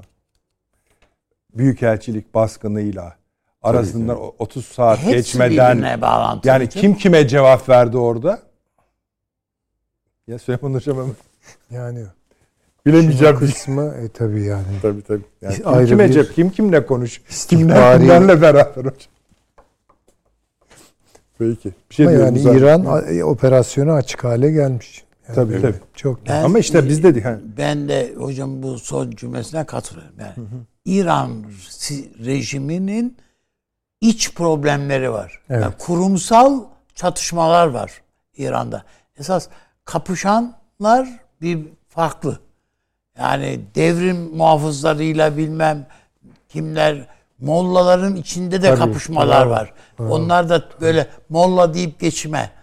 Bak bir kızcağız yüzün ölül, ölmesi yüzünden ne olaylar çıktı. E, dün bakıyorsun e, İran'ın en önemli boksörlerinden bir tanesi kurşun yağmuruna tutuldu. Değil mi? Oğlanın vücudundan saçmalar ayıklana ayıklana oğlan başka bir ülkeye kaçtı. Yani bakıldığında e, ben e, İran'ın çok ciddi iç sancılar yaşadığı kanaatindeyim. O bakımdan bu molla deyip buna bakamayız. Yani iyi bir tahlil lazım or- oradaki yapıya. Aslında hocam biz bu 4 3 artı 1 için Amerika'nın tutumunu ne düşünürsünüz? Biraz şey geçtiniz gibi geldi bana. Ha- Hayır o artık açıkladılar diye söylüyorum. Yani Amerika'nın şöyle söyleyeceğim, İsrail'in kabul etmediği bir olayı Amerika otomatik olarak kabul etmeyecektir. Bu kadar basit. Şimdi şöyle de bir şey var ama hani e, İsrail Rusya ilişkisine bakmak zorunda. bravo. Burada. Bence odakta esas problem Yani o. evet. Çünkü o bir parçasıyla da Ukrayna demek. Tabii.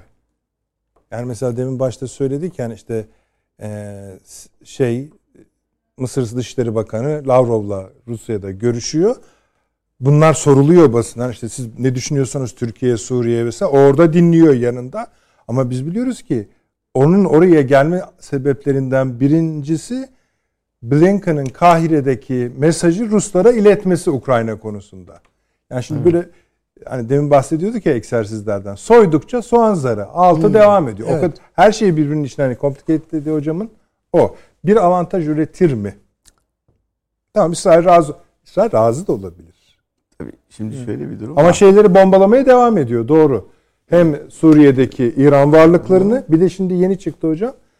Irak sınırındaki e, İran varlıklarını da vurmaya Tabii, başladı. gittikçe Haçlı Şabiler var orada. Şimdi Blinken'in Ama or- İran bunu yanlış okumuyor. Doğru okuyor yani bunu. o görüyor Yani abi. başımız dertte diye okuyor ve o çok güvendiği devrim muhafızlarının filan hiçbir halde yaramadığını görüyor orada. Abi zaten şey atom mühendisleri vardı. İran, İsrail atom mühendislerini temizliyordu. Onu da tek tek, hatırlayalım değil mi? Atom kazalar orada. Şimdi Blinken'in Orta Doğu'ya gelmesindeki birkaç neden var. Bir tanesi Netanyahu hükümetini dizginlemek için.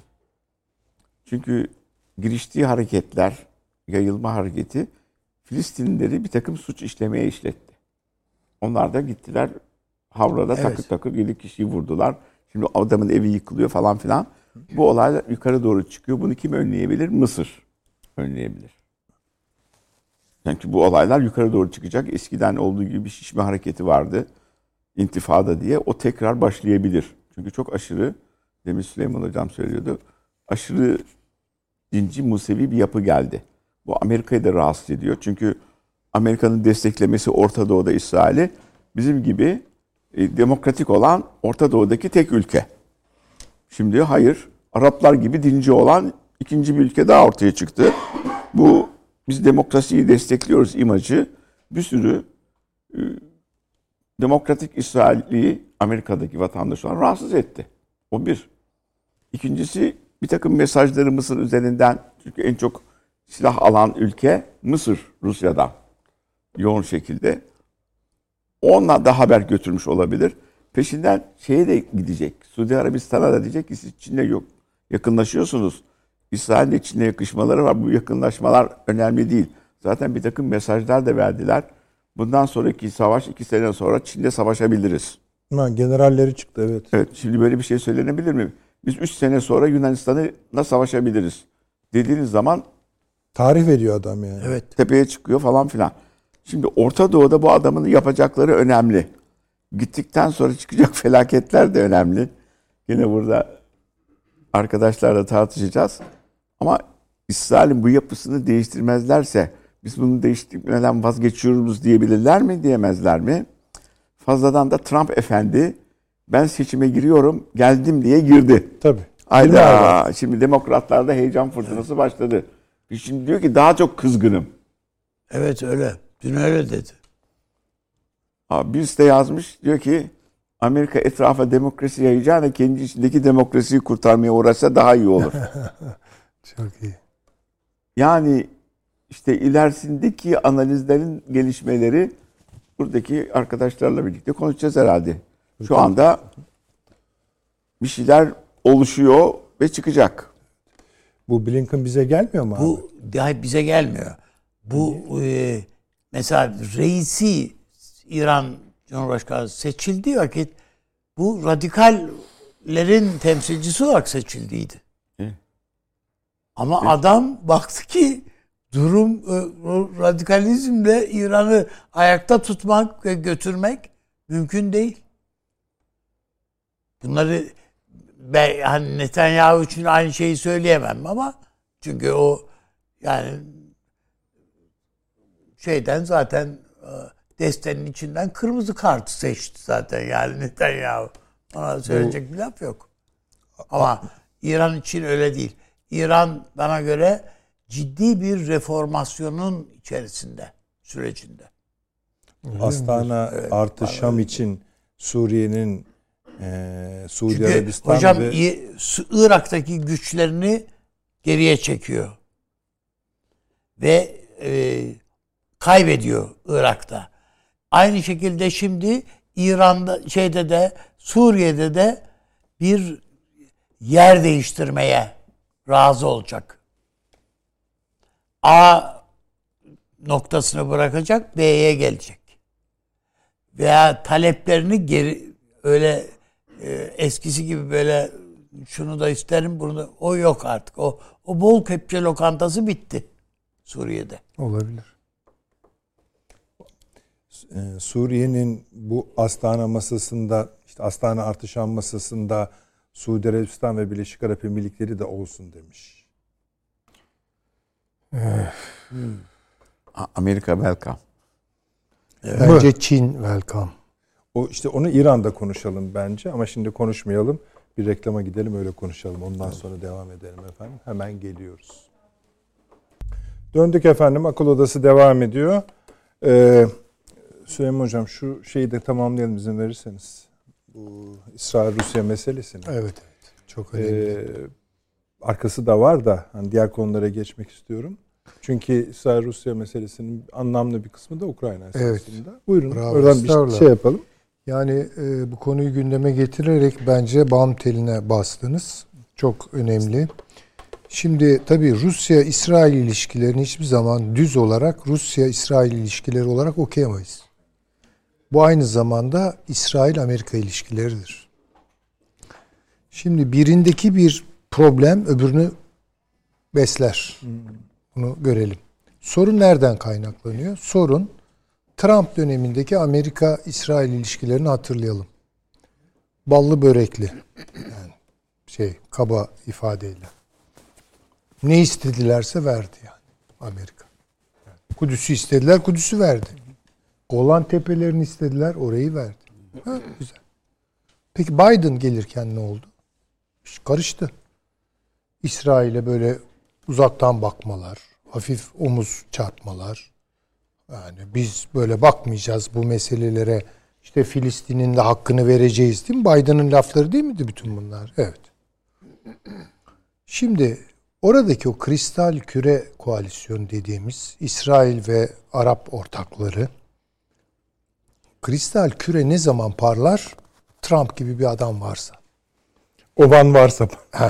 Yani o zaman olur. Ama Trump gibi bir adam çekildikten sonra ve Biden gibi bu işe septik bakan, kuşkucu bakan, eleştirel bakan, şu ya da bu sahik veya sebep üzerinden biri geldiği zaman o kürenin üstünü toz kaplar. Yani bilemem biraz çatırdar, çatlar. Ben bunu böyle görüyorum. Şimdi İsrail bu Biden dönemini hazmedemiyor. Bakın burada işte Gantz da olsa, e, Netanyahu da olsa hiç fark etmez. Tabi bundan en fazla rahatsız olan Netanyahu'dur. Yani Likud cephesidir. İsrail sağıdır. Öyle söyleyelim. Yani Tel Aviv o kadar rahatsız olmaz da. İşte Kudüs'teki, şurada buradaki yani daha derin İsrail neyse o İsrail rahatsız olur. Şimdi dolayısıyla böyle bir durumda İsrail ne yaptı? İsrail şunu yaptı. Suudi Arabistan'la beraber Çin'e oynadı. Yani Çin'le flört ediyor. Yani Amerika'ya da şunu söylüyor. Bak sensiz bir dünyaya hazırlanıyorum. Senin eskisi kadar sen olmadığın bir dünyaya hazırlanıyorum. Bu şu demek Çin'le iş tutacağım. Ya burnun dibinde Neom şehri kuruluyor falan ya. İsrail bunlara şimdi bilgane mi kalacak yani? Kalmayacak. Para var Körfez'de. İsrail'de kadrolar var. Yetişmiş adamlar var. Orada değişik ya değişik bir Orta Doğu tasarımına doğru gidiyor İsrail. Şimdi o durumda Amerika ile Rusya arasındaki sorunlarda, gerilimlerde eskisi kadar gözü kapalı Amerika'nın yanında değil. Ancak ve ancak kendi aklına göre Amerika İsrail'i desteklerse bir şeyin içinde ortaklık yapıyor. Ama onun dışında yapmıyor. Yani biraz beri duruyor. Öyle söyleyelim. Ukrayna meselesinde işaret ettiniz. Çok böyle üstü örtülmüş, marja itilmiş bir sorun İsrail. Yani İsrail'in bu savaşa dahli nedir? Hala kimse çok iyi bir şey bilmiyor bu konuda. En son şu haberi alıyoruz ama Amerika diyor ki elindeki bilmem neleri işte demir kubbe midir, hava savunma sistemlerini En- Ondan sonraki Süleyman Ha. Hocam, e, bunun silah depolarında Amerikan silahları var. Onları gönderdiği iddia ediliyor. ediliyor. Yani ediliyor. Ama yani gön- reddetti de İsrail sonra dayanamadı gönderdi. Tamam göndermiş de olabilir. Şimdi dolayısıyla Rusya ile İsrail'in arasındaki ilişkiler bu girdap içinde tayin oluyor. Tabii de facto fiilen bazı anlaşmaları var. Mesela İsrail istediği zaman gelip Laskiye'de de İran unsurlarını bombalayabiliyor. Yani giriyor çıkıyor. Hava savunma sistemlerini çalıştırmıyor. Böyle adı konmamış bir takım. Ama bu gidişat içerisinde e, İsrail'in özellikle İran'a saldırması.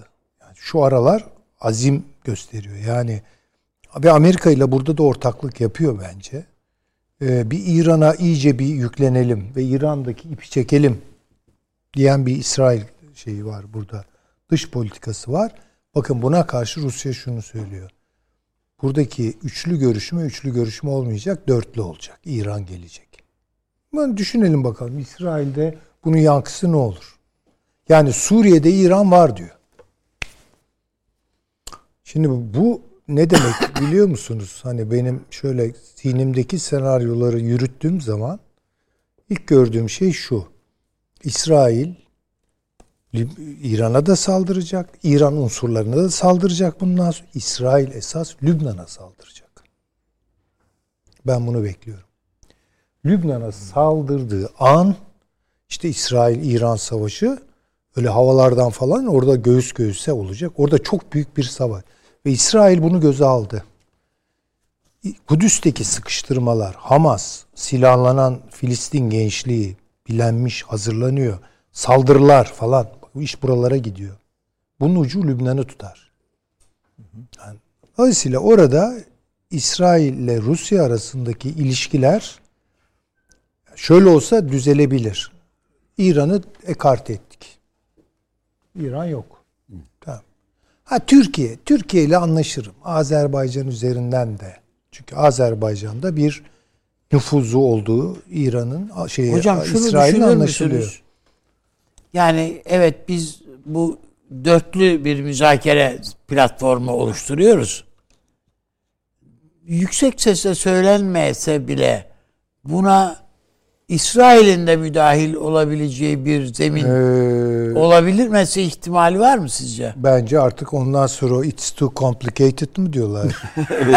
yani Müdahil olacak derken hyper complicated falan demek Tabii canım lazım. yani müsbet derken müzakereci manasında. Sadece to completed. Ya o zaman bir Orta Doğu barışına doğru gidiyoruz yani. O fevkalade güzel bir şey olur yani. Araplar da gelsinler. Evet. Mısır'da hep birlikte toplanalım. Bu bölgenin kaderini Evet. konuşalım. Süleyman Hocam Keşke. 27'sinde yani Azerbaycan elçiliğine yapılan saldırıyla e, İsfahan'ın vurulması arasındaki tarihte, saatlerde Cumhurbaşkanı, İsrail Cumhurbaşkanı Avrupa Birliği ve NATO ziyaretleri kapsamında Brüksel'deydi. Orada tek cümle kurdu. Dedi ki İran tehdidi artık Avrupa'nın kapısındadır.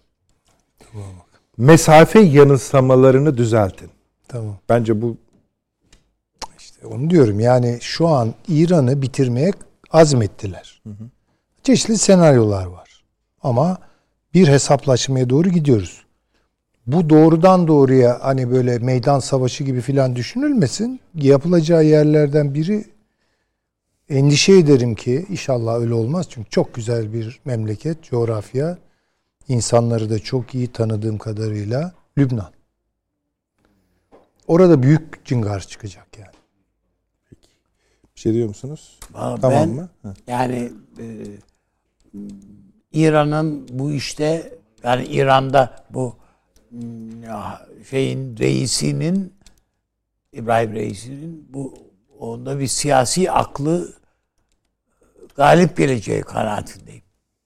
Geri çekeceği kanaatindeyim. Bu kavganın içine İran'ı sokmaz. İran çünkü bu kavgadan çok bir ciddi yara alarak çıkar.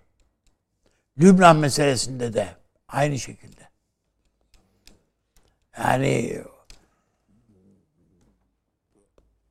oradaki bütün unsurlarını aklı selime davet edebilir ve geriye çekebilir.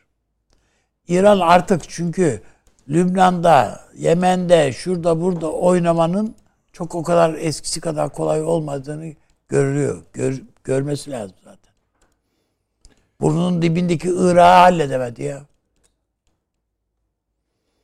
Yani siz İran'a daha çok odaklanıyorsunuz ama bence Ben İran'ın Amerika'ya da- daha derli toplu bir yapıya dönüşebileceği kanaatindeyim. İçindeki sancılar çok çok fazlalaştı artık. Şimdi şöyle bir şey de var mı acaba? Hani ben de biraz şimdi üstadın söylediğinin negatif tarafı üzerinde kafa yoruyorum. Ee, İran'ın İran'daki rejimin varlık sebebi düşmana borçlu. Evet doğru. Şimdi do evet yani şu an Doğru. bu düşmanlaştırıcı ve kendini de düşmanlaştırıyor tabii karşı taraf. Bu karşılıklı şeytanlaştırmalar veya düşmanlaştırmalardan yola çıkarak belki İran işte kaybettiği prestij kapasitesini bu süreci tırmandırarak telafi etme yoluna gider mi gitmez mi? Hocam de- bu reisinin demeçleri sizde o duyguyu uyandırıyor mu? Ama bunlar- Tırmandıracağız dur duygusunu. Şimdi tabii işte ben tam tersi görüyorum Evet, gibiyim peki. de biraz onun için şey yapıyorum. Evet yani biraz sessizlikleri dediğiniz gibi benim de dikkatimi çekiyor. Yani kıyameti koparmaları lazım. Evet. Bir sessizlik var ama bu sessizlik içerideki o bahsettiğiniz sizin de işaret ettiğiniz klikler arası dengelerle mi alakalı? Yoksa bütün bunların üstünde bir akıl ya biraz geri çekilelim. İçeriye de biraz rahatlatıcı bir şeyler yapalım. Mesela bazı mollalar bile Evet. Diyorlar ki ya artık bu kadınlara karışmayalım yani. Bırakalım yani. Bu iş bu kadar yani şey olmasın. Biraz daha serbesti diyen mollalar bile var. Demek ki mollaların içinde de bölünmeler var. İşte ben de onu... Ha işte acaba tabii burada e, reisi nasıl bir yol izleyecek? Hatemi'ye rağmen şeye e, affedersiniz dini liderleri neydi? İran dini lideri lider Hamaney. Hamaney, Hamaney. affedersiniz. Hamaney'e Evet. karşı e, bunu ne kadar sürdürebilecek? Bunları bilmiyorum. Ama Hamaney bile yaptığı açıklamalar böyle ılımlı açıklamalar oldu hep bu olaylar sırasında, İran'daki olaylar sırasında. yani İran Sokak olayları sırasında. İran siyasi üslubunu çok düz okuduğumuz zaman acaba yanılır mıyız? Yani Ama bunlar bir de bir- bunda mesela size bir oranda hak verebilirim. Çünkü en azından bu idam cezalarını şey yapabilirdi. Askıya alabilirdi. Batı'dan gelen bütün eleştirilere rağmen hiç umursamadılar. Çatır çatır insan çatır astılar. çatır insan astılar. Çok girdik İran'ın içine bence çıkalım. Bu fasıl yani bu önemli bir konu. Bence yani yerli yerinde ele aldık, inceledik. Ee, bir tek belki şu eksik kalmış olabilir ama biz onu daha önce de konuşuyorduk. İran'daki Çin ve Rus varlığının Ha, işte Doğu Akdeniz'e kadar uzanan belki de işte İsrail Cumhurbaşkanı'nın kapınıza dayandı. Mesafe yanılsamalarını düzeltin ifadesinde. Bir onu, onu da zaten e, konuşuyoruz diğer Bir, programlarımızda. ek bir şey söyleyeyim. Rica ederim. Yeni bir yeni bir şey okuduğum için yeni okuduğum için söylüyorum. Buyurunuz hocam.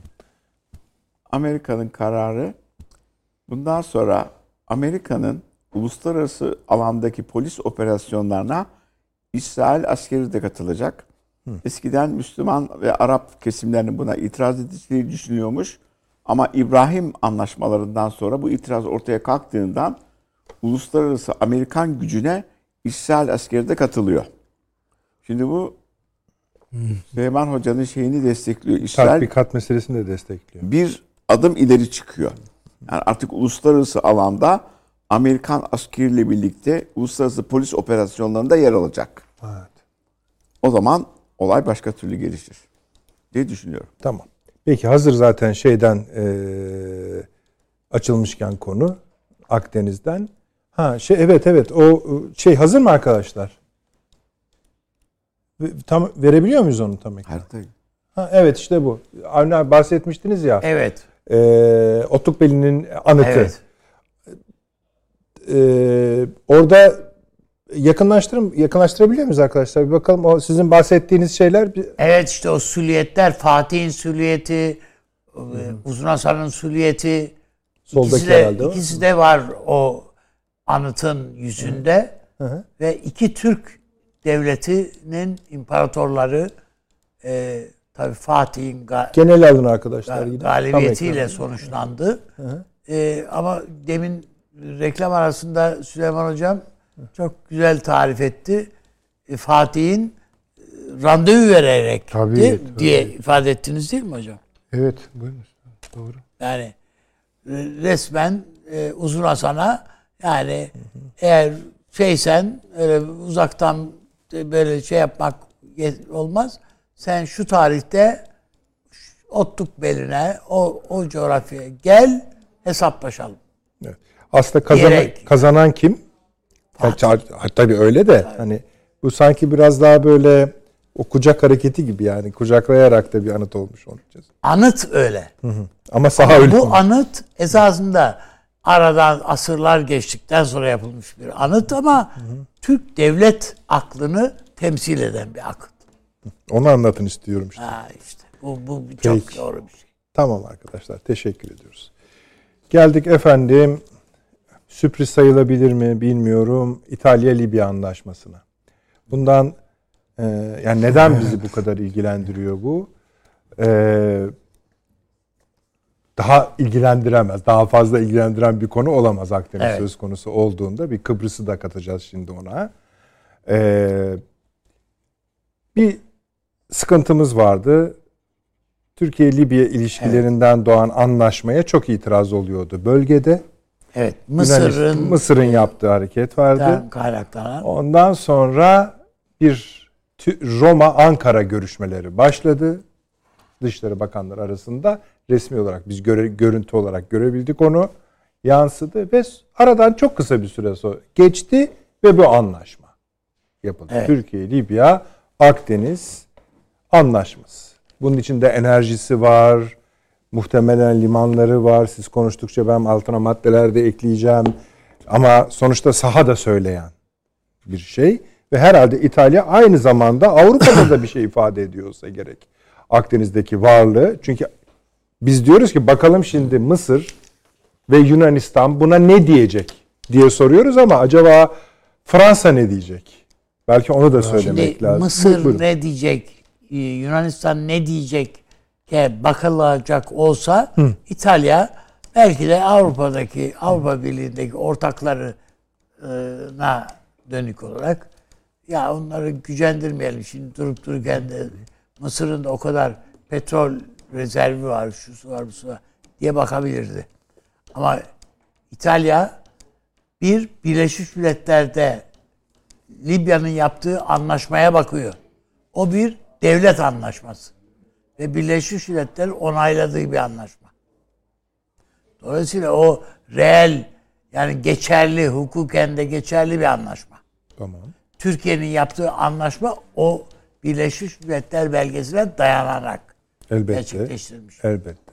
Elbette. Dolayısıyla İtalya kendisine referans olarak bunu aldı. Çok doğru. Yani bir uluslararası belgeye atıf yaparak anlaşma imzalamak başka şey. İki, onun dışında işte Mısır'la Yunanistan arasındaki mutabakat belgelerini. Mutabakat belgesi onlar. Şey değil. Bun- Buna dayalı olarak bir şey götürmek mümkün değil. Ve e, o güzel işaret ettiniz. Bu bir petrol anlaşması değil. Sadece. Bütün e, ilişkileri yani Libya İtalya ilişkilerini ve Türkiye ilişkilerini tanzim eden bir anlaşmadan söz ediyoruz burada.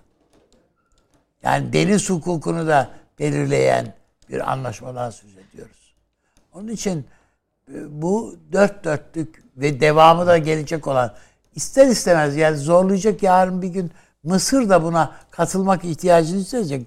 Çünkü öbür taraftan yaptıkları anlaşmanın e, Mısır'la yapılan anlaşmanın kendi aleyhine bir anlaşma olduğunu herhalde Mısır görüyor. Şimdi bunun bir toplam değeri var bu anlaşmada. Evet. 8 milyar avro. E tabi. 8 milyar avro. Ayrıca bizatihi İtalya Başbakanı. O imza. Evet. Tabii. Ve üstelik de eğer sadece bir Türkiye aleyhtarlığı söz konusu olsa İtalya Başbakanı Türkiye aleyhtarı demeçleriyle siyasete girdi. Hatırlayalım. Evet evet. Ama zaten Yunan medyası öyle bir reaksiyon göstermiş ki hani biz hiçbir şey kazanmadıysak bile demek ki iyi bir şey oluyor burada diyor insan yani. Ha, Evet. O, çünkü ve uzattıkça da uzatıyorlar belli ki. Ben şimdi önümden görüyorum. Bu mesela e, bizi bizim Biliyorsunuz şey deniz hukukunda da İtalya ile bunlar 12 mil anlaşmaları, şunlar bunlar. Ya bütün bunların hepsini e, yaparak Türkiye'ye karşı bayrak sallamaya kalktılar. Libya'nın Avni abi bak Libya'nın son 20 yılda bir defada imzaladığı en büyük enerji anlaşması aynı zamanda. Evet olabilir. Yani bu ama 8 milyar euroluk bir anlaşma öyle çok muazzam bir anlaşma değil tabii. 8 milyar bugünlerde 8 milyar Ha, alıyor. Büyük o, para. O anlamda yani küçük para değil ama büyük o kadar da muazzam. Yani Akdeniz'de bir petrol anlaşmasında şey yapıldığında içeriği mali ifade ettiği parasal değerin çok çok daha e, üstünde Peki. anlaşma. Süleyman Hocam buyurunuz. Tatbikatta da bağlarsınız gibi geliyor bilmiyorum. Yani şöyle bir kere e, Türkiye'nin Libya'da attığı adımlara ilk defa hatırı sayılır bir güç. E, destek açıktan tabi değil ama pozisyonunu bu anlaşmaya uygun bir şekilde Türkiye'nin Libya ile yaptığı anlaşmaya meşruiyet kazandıracak ya da zaten sahip olduğu meşruiyeti güçlendirecek bir anlaşma imzaladı. Yani bu aslında E söylediğiniz şey de az bir şey değil. tabii çok Tabii, önemli tabii. bir şey onu onu söylüyorum. Tabii. Yani Türkiye'nin son dönemlerde Libya meselesi tabii seçime gidiyoruz vesaire yani anlaşılır bazı sebepleri var ama harici e, siyaset fazla boşluk kaldırmıyor. E, yani çok önemli iki adımı var Türkiye'nin. Bir, Libya ile yaptığı birinci ve parlamentolardan, meclislerden geçirilen e, mutabakat, deniz yetki alanlarının sınırlarının belirlenmesi, ikinci olarak da Türkiye'nin neredeyse bütün kurumlarının temsil edildiği bir Libya ziyareti, orada imzalanan anlaşmalar. Şimdi bu tabii Bakanlar Kurulu gitti hocam Gitti Türkiye'den neredeyse, oraya. Ya. Neredeyse. Şimdi bunu derinleştirmemiz lazım. Yani bu sadece atılan imzalar bakalım gerisi zamana dayalı. Hayır değil. Libya gir şey affedersiniz İtalya girdi. Türkiye'de şimdi daha fazla girmeli. Ve İtalya'da şunu bilecek ki orada bir Türkiye var. Bence biraz bilerek de herhalde oldu galiba. E tabi yani, Yani- şimdi evet o formülü işletiyor. Şimdi dikkat edelim. Ee, bu İtalya'nın e, faşist e, başbakanı e, seçim e, kampanyaları sırasında en çok kime vurdu? Hatırlayalım. Fransa'ya vurdu. Ağzına geleni yani. Ağzına geleni. Yani Fransa'nın bütün ayıpları göreve başladığı gün yaptı yani bunu. Fransa'nın bütün tarihsel günahlarını, bütün kirli çamaşırlarını böyle Macron'un suratına adeta attı. Zaten epeydir İtalya Fransa ile Almanya arasında yani böyle bir üçlü olarak hep e, aile fotoğrafı verirlerdi ya fotoğraftan bile kendini çıkarttı. Yani bu e, son e, hükümetle ilgili değil. Daha öncesindeki hükümetlerin liderleridir. Şimdi hatırlamıyorum ismini ama başbakan hatırlıyorum. İşte Berlusconi gibi. Yok yok Berlusconi'den sonra. Ha. Ben de girmem bu fotoğrafa. Evet. O an terk etti orayı. Çünkü İtalya şunu yaşıyor. Yahu İtalya, Afrika'dan gelen bütün e, göç hareketleri Sicilya üzerinden çizmeye yığılıyor. Bunlar İtalya'yı bir tür toplama kampı gibi düşünüyorlar. Evet doğru. Bizim engellememizi istiyorlar. Bizim masrafları yüklenmemizi istiyorlar. Bunlar da çekiliyorlar kenara, köşeye. Evet, ellerini seyrediyorlar. Ben ellerini sıcak suya sokmuyorlar. Sokmuyorlar. Evet. Artık bu kadının iktidara gelmesinin zaten en önemli sebeplerinden biri İtalyan kamuoyunun Fransa'dan ve Almanya'dan artık neredeyse gına getirdiği bir şey. Ee, ne Dönem. diyelim ona? Evet. Ee, bir haleti ruhiye. Ve kadın da bunun gereğini yapıyor. Allah var. Yani şimdi. Amacı ne? Avrupa'nın geleceğinde İtalya'yı enerji e, transferinde tekel haline getirmek. Yani Avrupa'nın da bu anlamda liderliğini oynamış oluyor. Tam oraya Aklınca. gelecektim. Şunu ekleyeyim sadece hocam. Şimdi bu anlaşma Kuzey Afrika'dan Avrupa'ya e, doğal gaz taşınması için İtalya'yı bir tedarik merkezine Ha. dönüştürüyor. Tabii. Şimdi ben hep Türkiye tarafından da bakıyorum. Bir merkez olması açısından çalışmaların yürütüldüğü Türkiye ile bu manada nasıl bir rabıta kurulur diye de aklıma geliyor. E şimdi Türkiye'nin de orada bir e, hayat sahası var değil mi yani? Türkiye'nin de orada Tabii canım, petrolü öyle. var. Yani TEPA, Türk Petrolleri Anonim Ortaklığı'yla Eni mi bunların şirketi? Eni beraber yapabilir bazı şeyler. Ne diyecekler? Ne yapabilirler? Yok canım bir şey yapacaklar. Hiçbir şey yapamazlar. Şimdi bu hakikaten e, Yunan basınında o kadar vaveyla kopuyor. Boşuna değil o tabii ki. En beter şu an duşu yiyen Mısır. E bakınız yani Mısır'ın geleceği çok iyi değil. Sisi'nin geleceği çok iyi değil. Sisi resmen ülkeyi Evet. 100 milyon Mısırlıyı heba ederek dar bir oligarşinin kasasını doldurmak üzere resmen çiğnedi geçti. Yani öyle bir adam ki bu Sisi çıkıp halkına küfrediyor. Aptallar diyor. Ne biçim insanlarsınız? Ya böyle konuşur mu? Yani diktatörün de demek ki akıllısı ve aptalı var yani. Böyle bir tuhaf bir hal bu. E ama nereye kadar yani? Artık bunun bence son kullanım tarihi geçiyor yani ve Mısır'da bence çok daha değişik bir dönüşüm olabilir. İşte bu dönüşümle birlikte belki o zaman bir orta yol bulunacaksa bulunabilir. Yani Libya üzerinden. Değilse Kıvam Mısır- uygun olabilir o dönemde E, tabii ki yani çünkü o zaman Yunanistan'ın oynadığı taşlardan biri daha düşmüş olacak yani.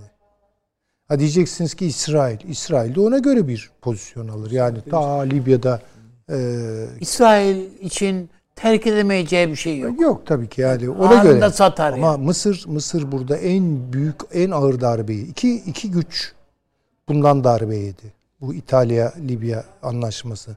Bir Fransa. Dediğiniz gibi bunu engellemek için bir şeyler yapabilirler. İki Mısır.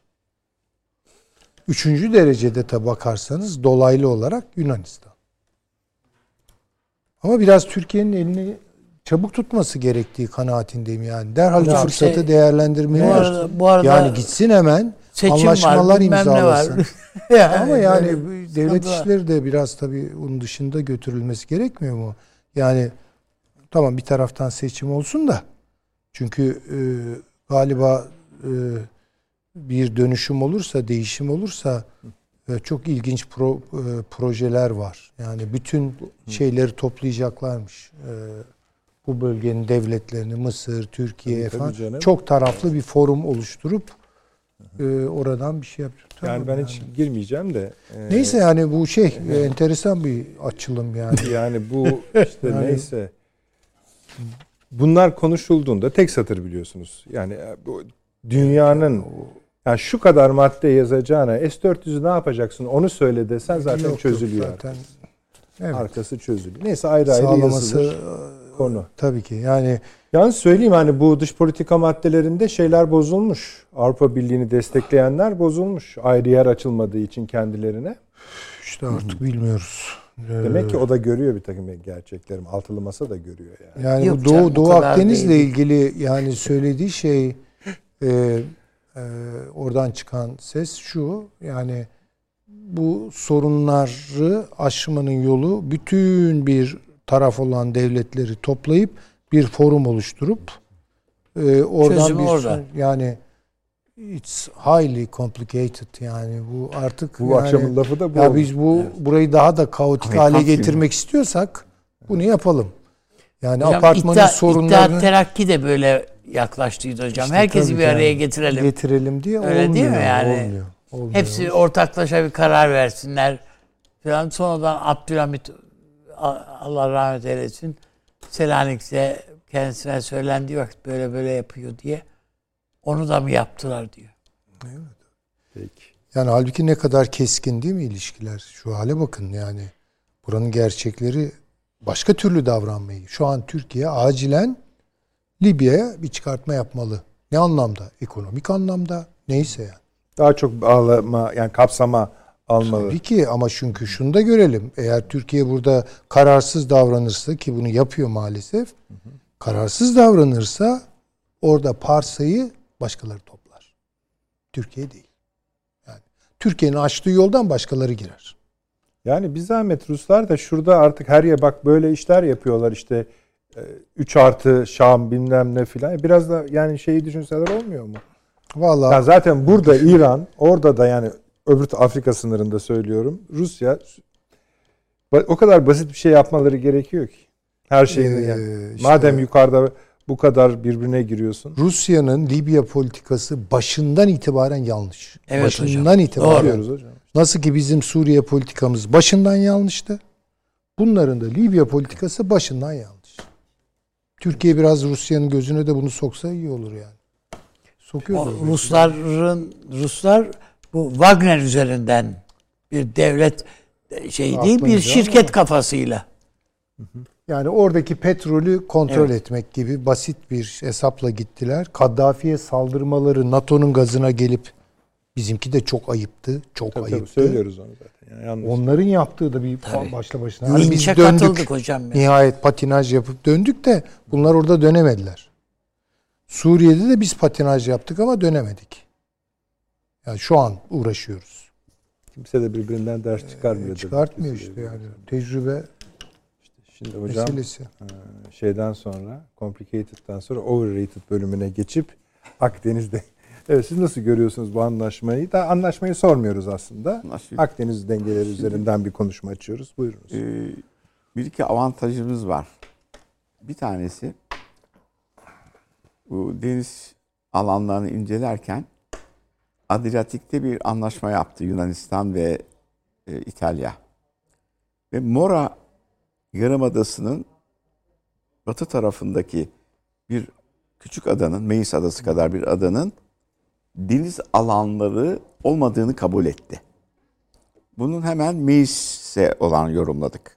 Demek ki e, bazı adaların e, bulundukları coğrafi durum nedeniyle olayın çözülmesinde deniz alanlarının olmadığı kabul edilebiliyor.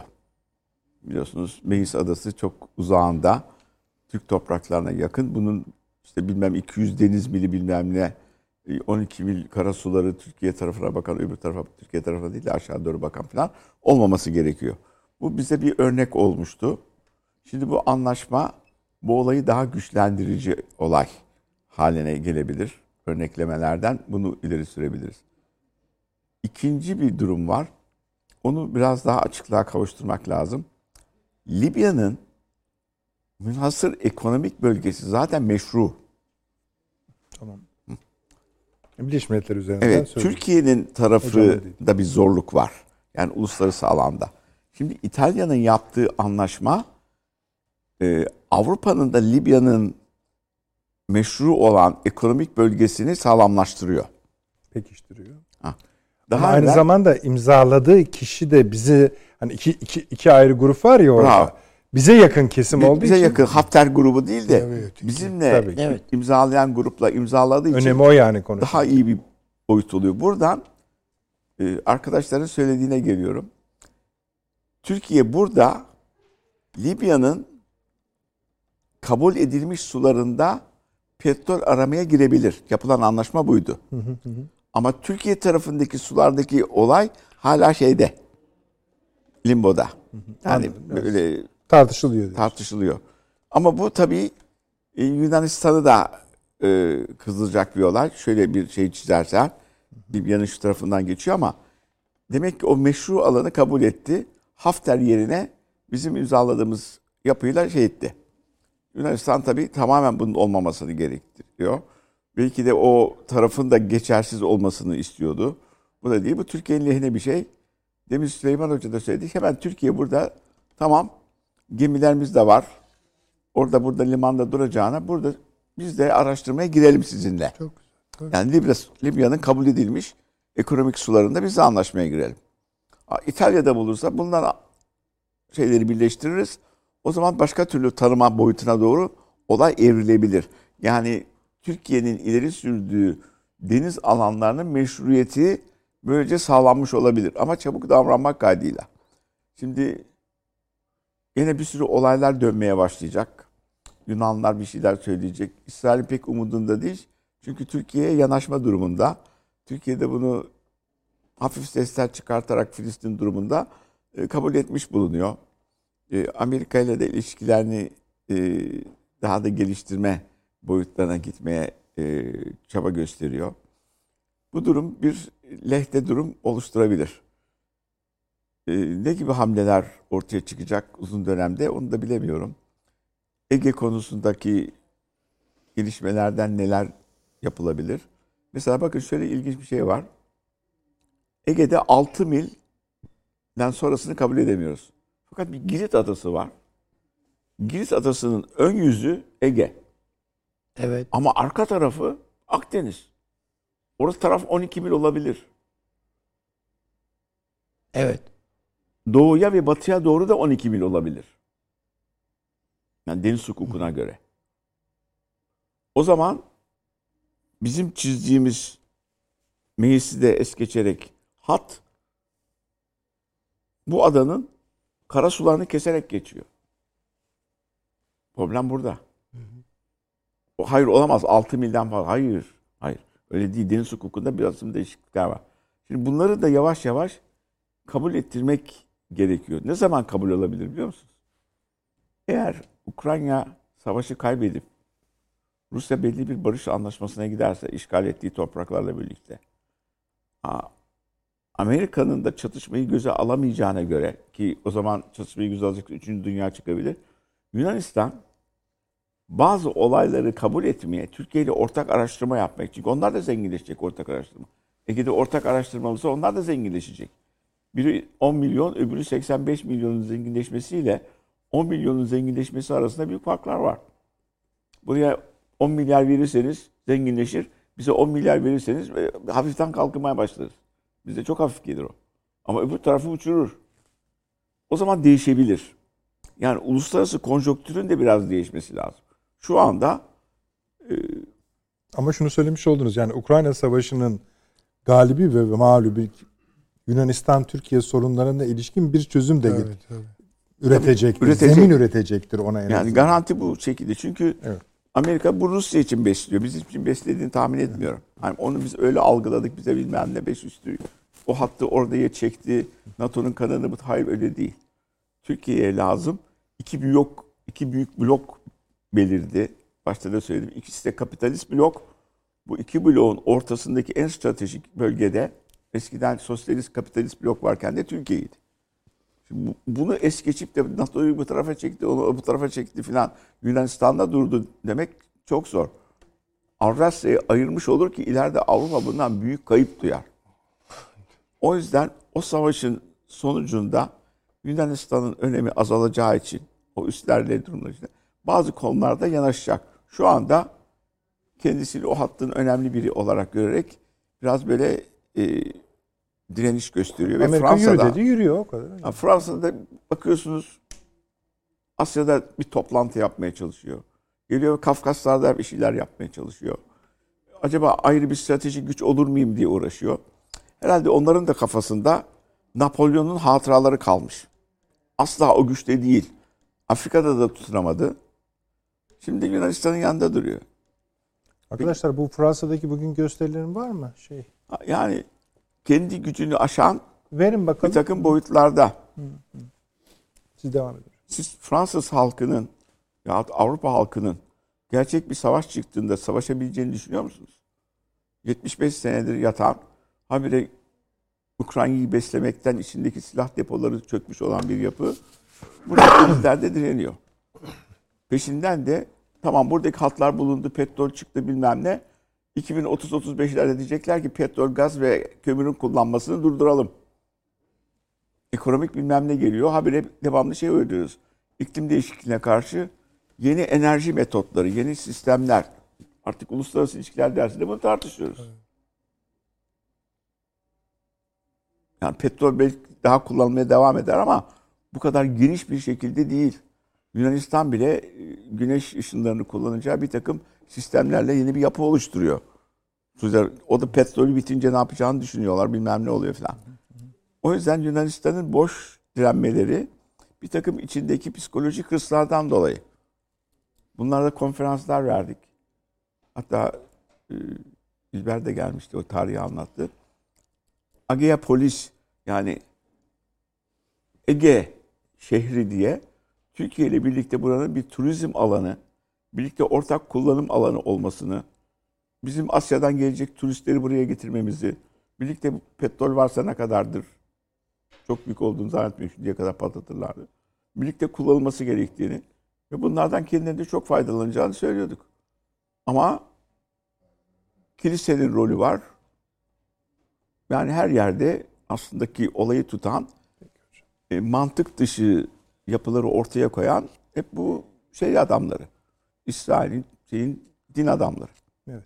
Şu an bu sizin konuşurken verilen gö- şeylerde gösteri görüntüleri de Bugün işte yarım milyondan fazla, bir milyon kişi demişlerdi. Yarım milyon olmuş ama daha da geliyor diyorlar. Ee,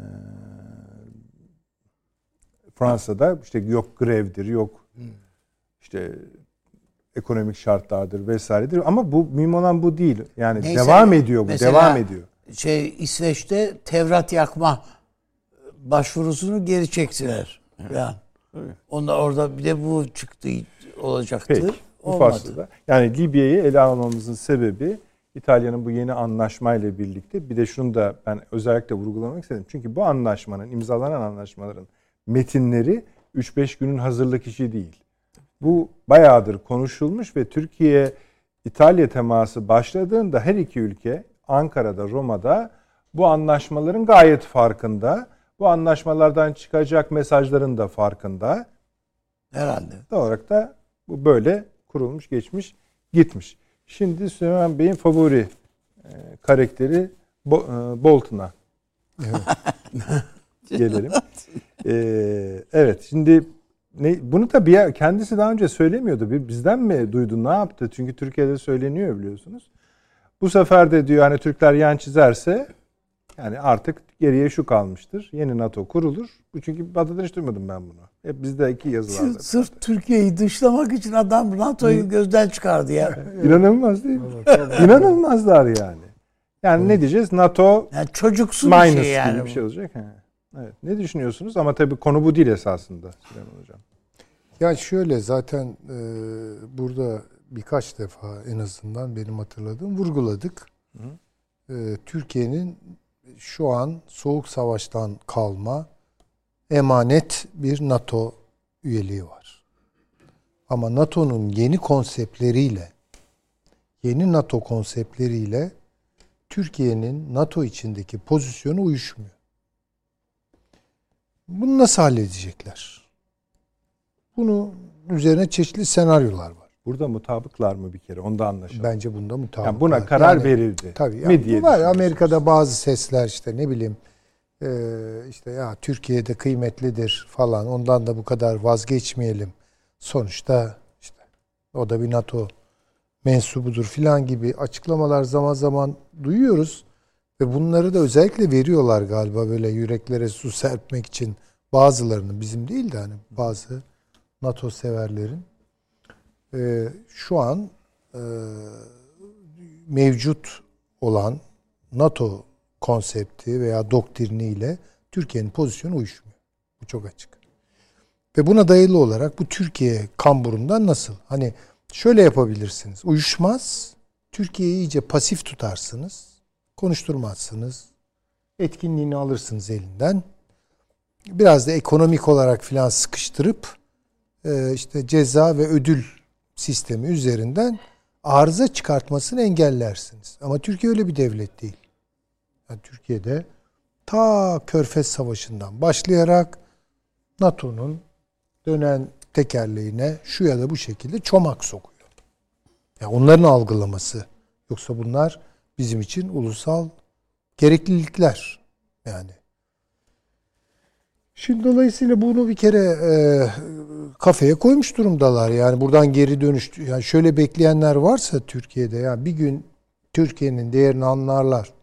Türkiye'nin değerini soğuk savaşta bile tam anlamadılar, anlamak da istemediler. Yani soğuk savaşta.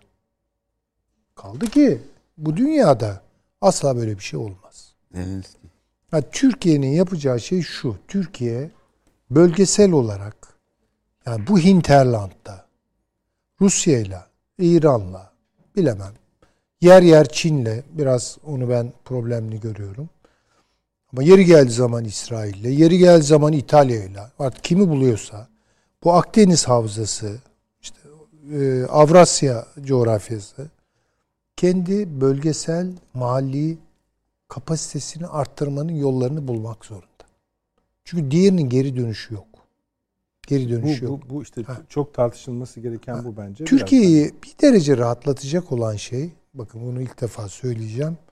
Zaman zaman söylemek istiyordum ama erken Kısmet buluyordum. bugüneymiş. Kısmet bugüne. Bunu destekleyecek bir tek şey var. Avrupa Birliği'nin NATO ile arasına mesafe koyması. Olur olmaz bilmiyorum. Şimdiye kadar gidişat Şu bunun böyle olmadığını olmadığını gösteriyor. Olursa Amerika'nın Olursa eğer pisleşeceğini Ha. de gösteriyor. tabii olursa eğer Almanya Almanyalığını hatırlarsa, Fransa Fransalığını, Avrupa Birliği'nin kuruluş gerekçelerinden, sebeplerinden hatta biri Amerika'nın Avrupa'ya çökmesini engellemek idiyse Avrupa Birliği'ni var eden şey biraz da Amerika'ya karşı mesafe koyabilme kapasitesi ise bunu hatırlayıp bunun gereğini yerine getirirlerse Türkiye yanlışından dönebilirler. Çünkü Avrupa Birliği'nin Amerika'ya koyduğu mesafe onun Avrasya'ya doğru genişlemesiydi. Değil mi? Rusya ile anlaşmasıydı. Bir adım daha atlayıp Çin'le Türkiye'yi ihmal ettiler. Şaşırtıcı bir şekilde. Ama hocam bu yani Avrupa Birliği'nin varlık sebeplerinden bir tanesi evet dediğiniz gibi Amerika'ya karşı kimliği ama Avrupa'daki birliğin yani ta asırlar öncesinden birliğin temelinde bir Türk ve Müslüman karşıtlığı Eğer ona dayalı olarak bunlar hüküm veriyorsa zaten Avrupa Birliği'ne Öyle bakmıyorlar mı hocam? İşte ama yanlış yani bunu bir Hristiyan kulübü olarak düşünüyorlarsa dediğiniz gibi Evet. tarihten gelen bir takım e, hatıralar, imgeler, süzülmüş ne varsa kendilerine göre süzdükleri bunun üzerine siyaset yapıyorlar zaten Avrupa falan kalmaz. Avrupa kendi açısından akıllı, reel politik açık açığı e, açılımı yaptı Rusya ile. Brandt doktrini ve sonrası. Bunu bir ileri daha götürmek Çin'le işte orada devreye girdi Amerika. Bunu şimdi bunların Almanya'nın, Fransa'nın falan burundan fitil fitil getiriyor. Ama şimdi bakıyorsunuz siz doğu açılımı yapıyorsunuz. Almanların meşhur hani Moskova. Holstein tamam. Güzel. Türkiye ihmal ediyor. Yoksa Türkiye ihmal edilebilir mi? Ya gidiyor Çok el İran'la altında zannettiler. Çok el altı. Hep, hep ama öyle. yok Amerika'da böyle öyle. bir şey yani. Olur mu sen Türkiye'yi tanımıyor musun? Ama Ta hocam- Osmanlı'dan beri yani Bakın bu başta söylediğiniz şey bir zamanlama da içeriyor. Kastım şu. Eğer Türkiye'nin NATO içindeki varlığına yönelik kendi kafalarında zaten bir karar oluşmuş ise yani bu cümle bile uzun uzun tartışılır. Amerika açısından tabii. E, ama zaten geriye de bir şey kalmadı. Tamam doğru. e, oluşmuş ise bu aynı zamanda bir zamanlama içerir, takvim içerir. Mesela Ukrayna Savaşı takvimin bir parçasıdır. Mesela Türkiye'deki seçimler de bu takvimin bir parçasıdır. Ha, tabii tabii. Ha, tabii. yani onlara bakarak demek istiyorum. Ve ondan sonra bunu nasıl halledecekleri konusu biliyorsunuz. İşte böyle Bolton Bolton tartışıyor işte. Şimdi bazı şeyleri yani daha evvel programdan önce de söyledik. Uçtakilere söyletirsiniz kibarca, Kibarca söylüyorum. söyleme. Şey söyleyebilirsin. Yani delilere söyle. Ha, delilere söyletirsiniz yani. Bolton bu Ama anlamda- akılların aklına düşmüş olur. Tabii ama orada dile gelen bir akıl vardır o delinin ağzında. Uçların söylediklerini kim söyletti diye bir düşünmek lazım. Bunun söyletiyorlar ya da bunun söylemesine izin veriyorlar veya söylediği şeyleri alıp yayıyorlar. Yani ulaştırıyorlar medya aracılığıyla herkese. Kitap kitap yazıyor adam şu bu. Şimdi bakın bu e, bu Amerika'nın yani Pentagon'un Türkiye'yi istemediğine dair çok net bir gösterge. Türkiye'yi NATO'ya yakıştırmadıklarına da buradan delalet edebilirsiniz. Şahitlik edebilirsiniz. Ee, ama bunun yolu ne? Nasıl yapacaklar bunu? Bunun çeşitli senaryoları var. İşte orada Bolton'un söylediklerine çok bakmamak lazım. Ama nedir mesela bunlardan biri? Başka bir NATO'cuk NATOMSU bilemem. Hani yapıyorlar ya Pasifik'te AUKUS bilmem ne. Peki burada da Eurokus gibi bir şey yapabilirler. Türkiye'yi oraya Türkiye'yi oraya yamamak istiyorlar. Bunun içinde ya, bu Türkiye'deki cari hükümet yine olamaz. Yani Ha işte tabii Evet. başka bir şey yani işte ne güzel Avrupa'ya bakın bunun arkasında da İngiliz aklı var. İngiltere Türkiye'yi Bükreş çizgisine Bükreş dokuzlusu çizgisine sokmak istiyor. Yani Türkiye'yi gene cepheye sürecekler Rusya'ya karşı. Ama mevcut pozisyonda değil o yukarıdan aşağı Baltık'tan beri indirdikleri şey var ya hat onun içine sokarak. Niye? E çünkü yaş ortalamaları ortada. Almanya'da bugün yaş ortalaması 43-44. En, en ileri, en yaşlı. Japonya'dan sonra galiba. Evet. Ee, şimdi Türkiye'de bu 30. Türkiye'de de bir yaşlanma var tabii ama e ne güzel işte. Yani erat asker. Onun için Türkiye'nin buna çok dikkat etmesi lazım. Yani Avrupa ile temas kuruyorum, Avrupa Birliği'ne o taraftan giriyorum falan gibi tongaları düşerse Türkiye çok büyük hata yapar. Yani bu onun için hani Türkiye'yi NATO'dan atmaz, atmanın yollarından biri olarak söylüyorum. Bir patern olarak söylüyorum. Bir NATO'cuğa Türkiye'yi eklemek. NATO'cuk. NATO'msu. Ama bunu da farkına varmayacak bir Türkiye'de bir siyasi iktidarın oluşması. oluşması gerekiyor Gerekir. ve bunu hatta alkışlayacak bir Evet. e, yeni bir siyasi oluşum olur mu artık onu bilmiyorum Peki. ama şu yani dediğinize bunu Avrupa'ya biri giriyoruz falan diye yutturmak Yani kalmayacak. evet şey e, Türkiye İngiltere ilişkilerine çok dikkat edelim.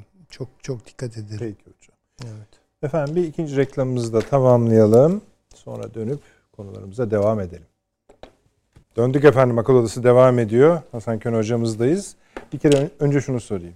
Süleyman Bey'in ya ben de nispeten katılıyorum da bir türlü demek ki bu alışkanlıklar var ya 80-90 yıllık alışkanlıklar bize dahi nüfuz etmiş Avni Bey. Yani şu cümleyi kura- kurmak bile insana garip geliyor. Gerçekten NATO'nun ana oyuncuları ya da ana oyuncusu Türkiye için böyle bir karar aşamasında böyle bir karar hissediyor mu daha doğrusu? Yani tamam buraya kadar artık Türkiye hani demek ki bir şey yapmak lazımdır cümlesini kuruyor mu? Şimdi kendi yani anlayabildiğim görüşü söyleyeceğim. Estağfurullah hocam. Şimdi bu İsveç ve Finlandiya'nın NATO'ya dahil edilmesi değişen stratejiler Asya ve Güney Pasifik'e gitti.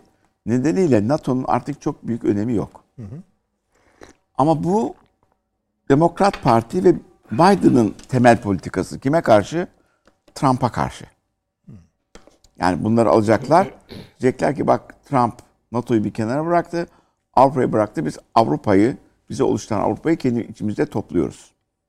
Şimdi bu yüzden çeşitli psikolojik baskılar yapıyorlar. Fakat asıl yazılanlara bakıyoruz. Basınımız e, onlara tenezzül ediyor. Diyor ki şimdi Türkiye'de bir seçim var. İktidardaki parti belli grupları sistemin içinde tutmak istiyor. Onlara karşı direnci de bu ki askerinde bu. İşte Yunanistan Makedonya kelimesi için bu kadar direndi. Türkiye hayati bir konuda direnmesi lazım. Bu milliyetçi çevrelerde puan alır. Ama seçimlerden sonra parti kazanırsa bunu imzalayacak. Seçimlerden sonra muhalefet kazanırsa muhalefet imzalayacak. Ama asıl önemli olan Türkiye'nin NATO'da bırakılmamasının nedeni Türkiye bu sistemden çıkarsa Avrupa'nın içine milyarlarca insan akar. Türkiye bu göçü emen ve durduran yerdir diyorlar. O kısım Bolton'da yok. Ama Meksika'dan gelen göçe karşı Biden'ı destekliyorlar. Sen bu göçü bırakıyorsun. Bak Trump oraya duvar örüyordu. Sen bunu yapmıyorsun falan. Asıl temel o göçün önlenmesindeki duvar olması Türkiye'nin. O kısmı es geçiliyor. NATO'dan nasıl çıkaracak? Öyle bir hukuki yapı da yok. Ha şöyle, işte şöyle olabilir. Yeni bir çerçeve kuruyoruz. Bunu lağvettik diyebilirler. Lağvettiği anda bu ortam bir daha toparlayamaz. Çünkü Avrupa kendi... Bir defa çıkan dönmez geri. Tabii stratejik şeyini şöyle yani zorla silah sattırıyor. Zorla silah alıyor. E, ekonomik boyutlarında kendi halkını harcayacağına Amerika'nın politikasını harcıyorlar. Şimdi biz bunu buradan görüyoruz şuradaki tartışmalarımızda da. E, koskoca Alman analizcileri temel felsefeyi kuran harifler göremiyorlar mı? Görüyorlar. Demek ki çok bağlılar. Ve sosyalist olan kısımlar da daha çok bağlı. Demek ki antrenman olsun diye sosyalist olmuşlar. Bravo. Yani inanılır gibi değil. Yani sağ gruplar NATO'da destekçiye sosyalist gruplar destekliyor herhalde. Böyle bir şekilde ve içeride Alt İtalya'da, İspanya'da, Fransa'da milliyetçi akımlar hızla yukarı doğru çıkıyor. Neden? E, ekonomi bozuluyor. İçerideki adam silah gönderin, top gönderin, bilmem ne gönderin. Boşuna zaman gönderecekleri silahlar da 3 ay sonra, 6 ay sonra, 1 sene sonra bu Mart ayında Rusya taarruza gidiyor. 350 bin kişi yığmış oraya. Boş yere oyalama zavallı olan Ukrayna halkına oluyor. Ha, bu sırada Türkiye çıkaracak öyle mi? Bolton'un hezeyanlarından biri Trump'a da bir şeyler yazmıştı. Trump onu kaldırıp attı. Şeyden çıkmasınlar. Tabii tabii. Şimdi birkaç kişi daha böyle bir takım hezeyanlarda bulunuyor. Türkiye çekildi kardeşim ne yaparsanız yapın. Bu göçler de nereye giderse gitsin ben bunlarla mı uğraşacağım dediği anda Avrupa'nın Nazi dönemindeki yüzü ortaya çıkar. Şu o- anda bile hani alttan renk veriyor. Tabii demokratik olan Almanlar bakalım kaç kişiyi bu sefer ızgara mı yaparlar, domates mi çevirirler, ne yaparlar görürüz. Ama ekonomik durumdayken herkes iyi insan. O yüzden bunları aldırmıyoruz. Söylemelerinde heyecan yaratıyor. Basınımızın da oyalıyor. İşte yazı yazmak zorundalar herkes. Bir şeyler yazıyoruz. Tamam Onun dışında herhangi bir fonksiyonu yok. Yine de şunu herhalde inkar etmezsiniz. Mutsuzlar bizden. Hayır ama her dediğini yapmak mümkün değil. Türkiye'nin çok sıkışmış senelerden beri uğraştığı bir durum var. Kendileri içindeki akımlara da reaksiyon göstermiyorlar mı? Ya İspanya'da yemek yiyeceğiz Barcelona'da. Hava olsun diye İspanyolca birkaç yemek kelimesi öğrendim. Daha sonra İspanyolca Barcelona'da yemek ısmarladım. Dedi ki no İspanyol. E burası İspanya. Dedi ki Bask dilini biliyorsan konuşursun yahut İngilizce konuş dedi. Şimdi biz destekleyelim mi oradaki hareketleri? Yani kendilerine yapılmayacak hareketleri Türkiye çarpışarak adam kaybederek uğraşırken ama NATO çok iyi olsun Biden da ikinci dönemi kazansın Trump kazanmasın diye Türkiye kendisini harcayacak durumda değil. Burada Trump ilan ettikten sonra adaylığını önümüzdeki seçimler için ilk beyanatı savaşı 24 saatte bitiririm olmuş. E, Evet öyle tabii çünkü Ukrayna'nın NATO'ya girmesinin strateji tamamen Asya Pasifik'e kaymışken hiçbir anlamı ve manası yok. Artık bu bölge stratejik açıdan önemli değil. Rusya'nın da saldıracağı yoktu burada herkes biliyor. Zorla Ukrayna'yı alıp Evet, bilmem neleri şey edip onları üzerine saldırtıp oraya silah yığmanın hiçbir Bir şey anlamı yok. Şöyle bir yeni büyükelçi atandı biliyorsunuz Moskova'ya. Ee, Amerikan büyükelçisi. Ve o da kalktı şeyi ziyarete gitti. Dışişlerine, Rus dışişlerine. Yeni elçi yeni bir e, durumun habercisi midir? E, evet. Böyle, hani bu öyle midir hep? E, Öyledir. Yani yeni baştan bir şey söyleyecek e, anlamında. Mesela İstanbul'a atanan başkonsolos da Filistin asıllı. Amerikan başkonsolosu. Böyle ilginç şeyleri var. Çin'e gönderdiği adam Çin'den toplanmış. Tam küfür edecekler. Amerikalı bir Çinli iniyor. Şimdi kendi ırkına küfredemediği için susuyorlar. Bu sizce ne olabilir? Yani bir de ziyaret uzun zamandır bu temas da olmuyordu. Elçi yok. Bir- Birbirlerinin elçilerini bu şeylerini, diplomatlarını kovdular. Persona non grata ilan ettiler. Savaş nedeniyle gidip gelmeler olmuyordu. Şimdi yoğun görüntülerini gördüm ben onun. Yoğun e, protesto görüntüleri aslında Rus Dışişleri Bakanlığı'na girdi yeni büyükelçi. Orada bir süre kaldı. Sonra çıktı. Şimdi diyorlar ki bu yeni büyükelçi yeni bir şeydir. Yeni bir şey söyler. Ama ne söyler Ukrayna için bilemiyoruz. şu- oradan şöyleden takip ediyorum. Onu da açıkça söyleyeyim nereden takip etti. Foreign Affairs'de şöyle yeni makaleler çıkıyor. Bu savaşı uzatmamanın yolları nedir? Yeni bu makale gönderirim size. Ha, böyle yazılar çıkmaya başladığı zaman anlıyorsunuz ki Amerika'da bir takım şeyler yahut boş yere tank gönderme, boş yere zaman kaybı. Yeni çıkan yazılar böyle bir şeydi. İşte şu kadar Ama zamanda para, gönder- önce para bulamayacaklar. Cumhuriyet şeyde Temsilciler Meclisi bunlara parayı Tabii. kesecek gibi geliyor. O da var. Amerika içindeki yapıda da var. Ve Trump efendi geldi. İşte Florida'daki adamla çekilecek. Tamamen değişiyor olay. Bazı şeylere biz bildiğimize göre hükümet de biliyor. Aldırmıyordur. Çünkü dişlerin bazı konuşmalarını bilmiyoruz. Nasıl bekleyin bilmem ne. O da diyor ki seçim var ona göre davranıyorum şudur budur falan. Teşekkür ederim. Avni Bey sizin de Evet, karar ben- vermişler diyor yani. Verdiler mi yani? Yani şeyde Suriye'de gayet rahat söylüyorsunuz. Diyorsunuz ki Orada Amerika ile savaş halindeyiz. evet. E, NATO'ya gelince öyle demiyorsunuz ama. Ya NATO öyle bir şey kurumsal olarak bize bir şey ifade etmiyor şu anda. Yani dikkat ederseniz e, NATO Genel Sekreteri Türkiye çok değerli bir müttefik, ortak, şu bu falan gibi demeçler veriyor sadece o kadar ya. Ben NATO'dan e, işte sırf Türkiye'den kurtulmak için NATO'yu feda edeceklerini pek ihtimal vermiyorum. İşte arayıp bu, bu kadar bulundu yani başka. Ya yani. o Bolton gibi böyle bir e, yani ihtiyar bir adam tabii. İşte o müellifi o değil ama onun. Yani İşte birisinin tabii aklında. değil, değil. Onu onu ta anlıyorum ama ba- bana çok fantazi bir düşünceymiş gibi geliyor. Ama Türkiye bunları di- ciddi olarak bir NATO siyaseti gelişti. Aa NATO meğersem bizi seviyormuş. Hayır değil yani. Böyle bir şey yok. Aynı şey Amerika için de geçerli. Ee, bu savaş Orta Doğu diye bitmez. Yani burada Tayyip Erdoğan diye de bitmez yani bu iş. Yani bu Türkiye'deki seçimden dolayı diye de bitmez. Ee, Orta Doğu'da Amerika'nın istediği bir şekillenme var. Ee, hatırlarsanız bu Condoleezza Rice'ın mı şeyiydi? Kaç tane devlet kurulacak Evet. Orta Doğu'da diye Evet, evet. kadın tek tek saydıydı esasında. Da, yani bu Türkiye'yi parçalamak istiyor esasında Amerika. Yani o yapının içinde bu var. Yani bu iş sadece Kürt meselesi filan filan işi de değil. Yani işte Ermenistan'a toprak istiyorlar, öbürüne bilmem ne istiyorlar. Var istediği kadar bir şey var. Ben bu iş için e, hocalarımızın söylediği Ukrayna Savaşı'nı şey görmüyorum şimdilik. Belirleyici. Yani mi? belirleyici görmüyorum. Çünkü yani şu anda bir biteceği falan yok bu savaşın. Hatta acaba bu savaş biter mi diye bu e, şeyin e, sözcüsüne efendim Zelenski'nin sözcüsüne sormuşlar. Adam ya bu saçma sapan real politik şeyleri bırakın demiş yani.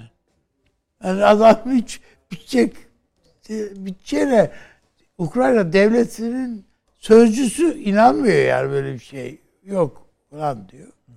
Ee, Zaten istemiyorlar da bitmesine. Yani daha henüz son Ukraynalı'nın ölmesine kadar daha vakit var. Epey ölecek Ukraynalı var yani. Daha o, o şey olmuş değil. Ve e, hatta şu arada e, 2024 olimpiyatlarına Rusya'nın katılmaması diye yani Paris olimpiyatlarına Rusya katılmasın biz bunun için bir karar alalım falan diye. Yani iki sene sonranın hesabını şimdiden yapmaya çalışıyor. Bu öyle yani Aslında bize savaşı bitirtme hevesindeki bir devletlerin işi değil bunlar. Bir şeye katılmıyorum yalnız. Ee, göçle ilgili olarak hocam söyledi. Daha katılıyorum da e, Türkiye'ye biçilen rol manasında. Ama Batı'nın burada bir yanılgısı var. Esas Avrupa Birliği'ne aldığın 30'a yakın ülke var ya. Bunların hepsi batıya yani kendi içlerinde göç ediyorlar. Bulgaristan'da nüfus azaldı ya. Hepsi Almanya'ya göç ettiler. Ko- Kosova'ya şimdi şey e, a- 90 günlük serbest dolaşım şeyi hakkı tanındı Kosovalılara. Kosovalıların tamamı 90 günse 90 gün kardeşim. Neyse bir gidelim hele bakalım Peki. diye o tarafa gidiyor. Bütün Avrupa'daki devlet şeyler, ülkelerin, o küçük devletlerin, Sırbistan, Hırvatistan, hepsinin vatandaşları tamam kardeşim işte serbest dolaşım, işte e, Schengen, şu bu neyse bütün bunlar tamam. E biz ama Almanya'da yaşamak istiyoruz diyor. Ve oraya göç yani göçmenlik göçmenlik Avrupa'nın içinde var esasında. Şeyden el, bir de bunun üstüne Afganistan'dan, şuradan, buradan, Türk, İran'dan neyse gelecek olan işte o Türkiye'nin preslediği insanlar var İran'dan böyle. Ha bunu da göze alabiliyorlarsa mesele yok. Ee, Elle gelen düğün bayram yani Türkiye için bunların bir sorun olacağını zannetmiyorum ben. Esasında tabii bu akşam Ukrayna'yı bir ana kalem olarak yine açacaktık. Çünkü sürekli olarak yeni bilgi geliyor. Yeni hani ben zaten hani Ukrayna açılabilseydi onları böyle sizlere arz edecektim. Böyle bir 10 maddelik yeni adımlar var. Ama bunların hiçbiri içlerinde numuneler olsa Yarın da gün barışa ilişkin bir Ki- şey yani söylemiyor. Rus ordusu Kiev'e girdi falan diye de haber gelebilir. Yani, Yani işte Yani mesela dün Yani e, öyle son bir 48 takım saatte şeyler, bu her sorunun ortasından yani girmeyelim konuya zamanımız kalmadı. 25 bölge ele geçirmiş Ruslar. Şimdi bunlar artık hani çok şey yapılmıyor. Dikkat ederseniz şeyden de fazla ses yok. İngiltere'den, Amerika'dan, Kiev'den hani bir değişik durum var ama e, Ruslar da anladığım kadarıyla bu şeyi getirtmeye çalışıyorlar artık. uçak Daha- istiyorum diyor ya Zelenski. Evet evet. F-16 istiyorum diyor. İşte Biden yok dedi. Yani tabii en azından şunu söyleyelim Süleyman Hocam. Bu tanklar konusunda mesela Almanlar demişti ki Amerika'ya ya tamam biz Leopard vermiyoruz ama vereceksek siz de şey vereceksiniz. Evet. Abramslar evet demişlerdi. Caydı- Sabaha sabaha caydı. caydılar. Almanya Evet, verdiğiyle öyle. kaldı yani. Hani söz verdiğiyle kaldı. Uçaklar konusunda da ben hiç yani şey olacağını zannetmiyorum. Bugün çıktı Tabii F-16 canım, falan yok dedi Biden. Zaten Almanya hemen yok kardeşim uçak uçak olmaz.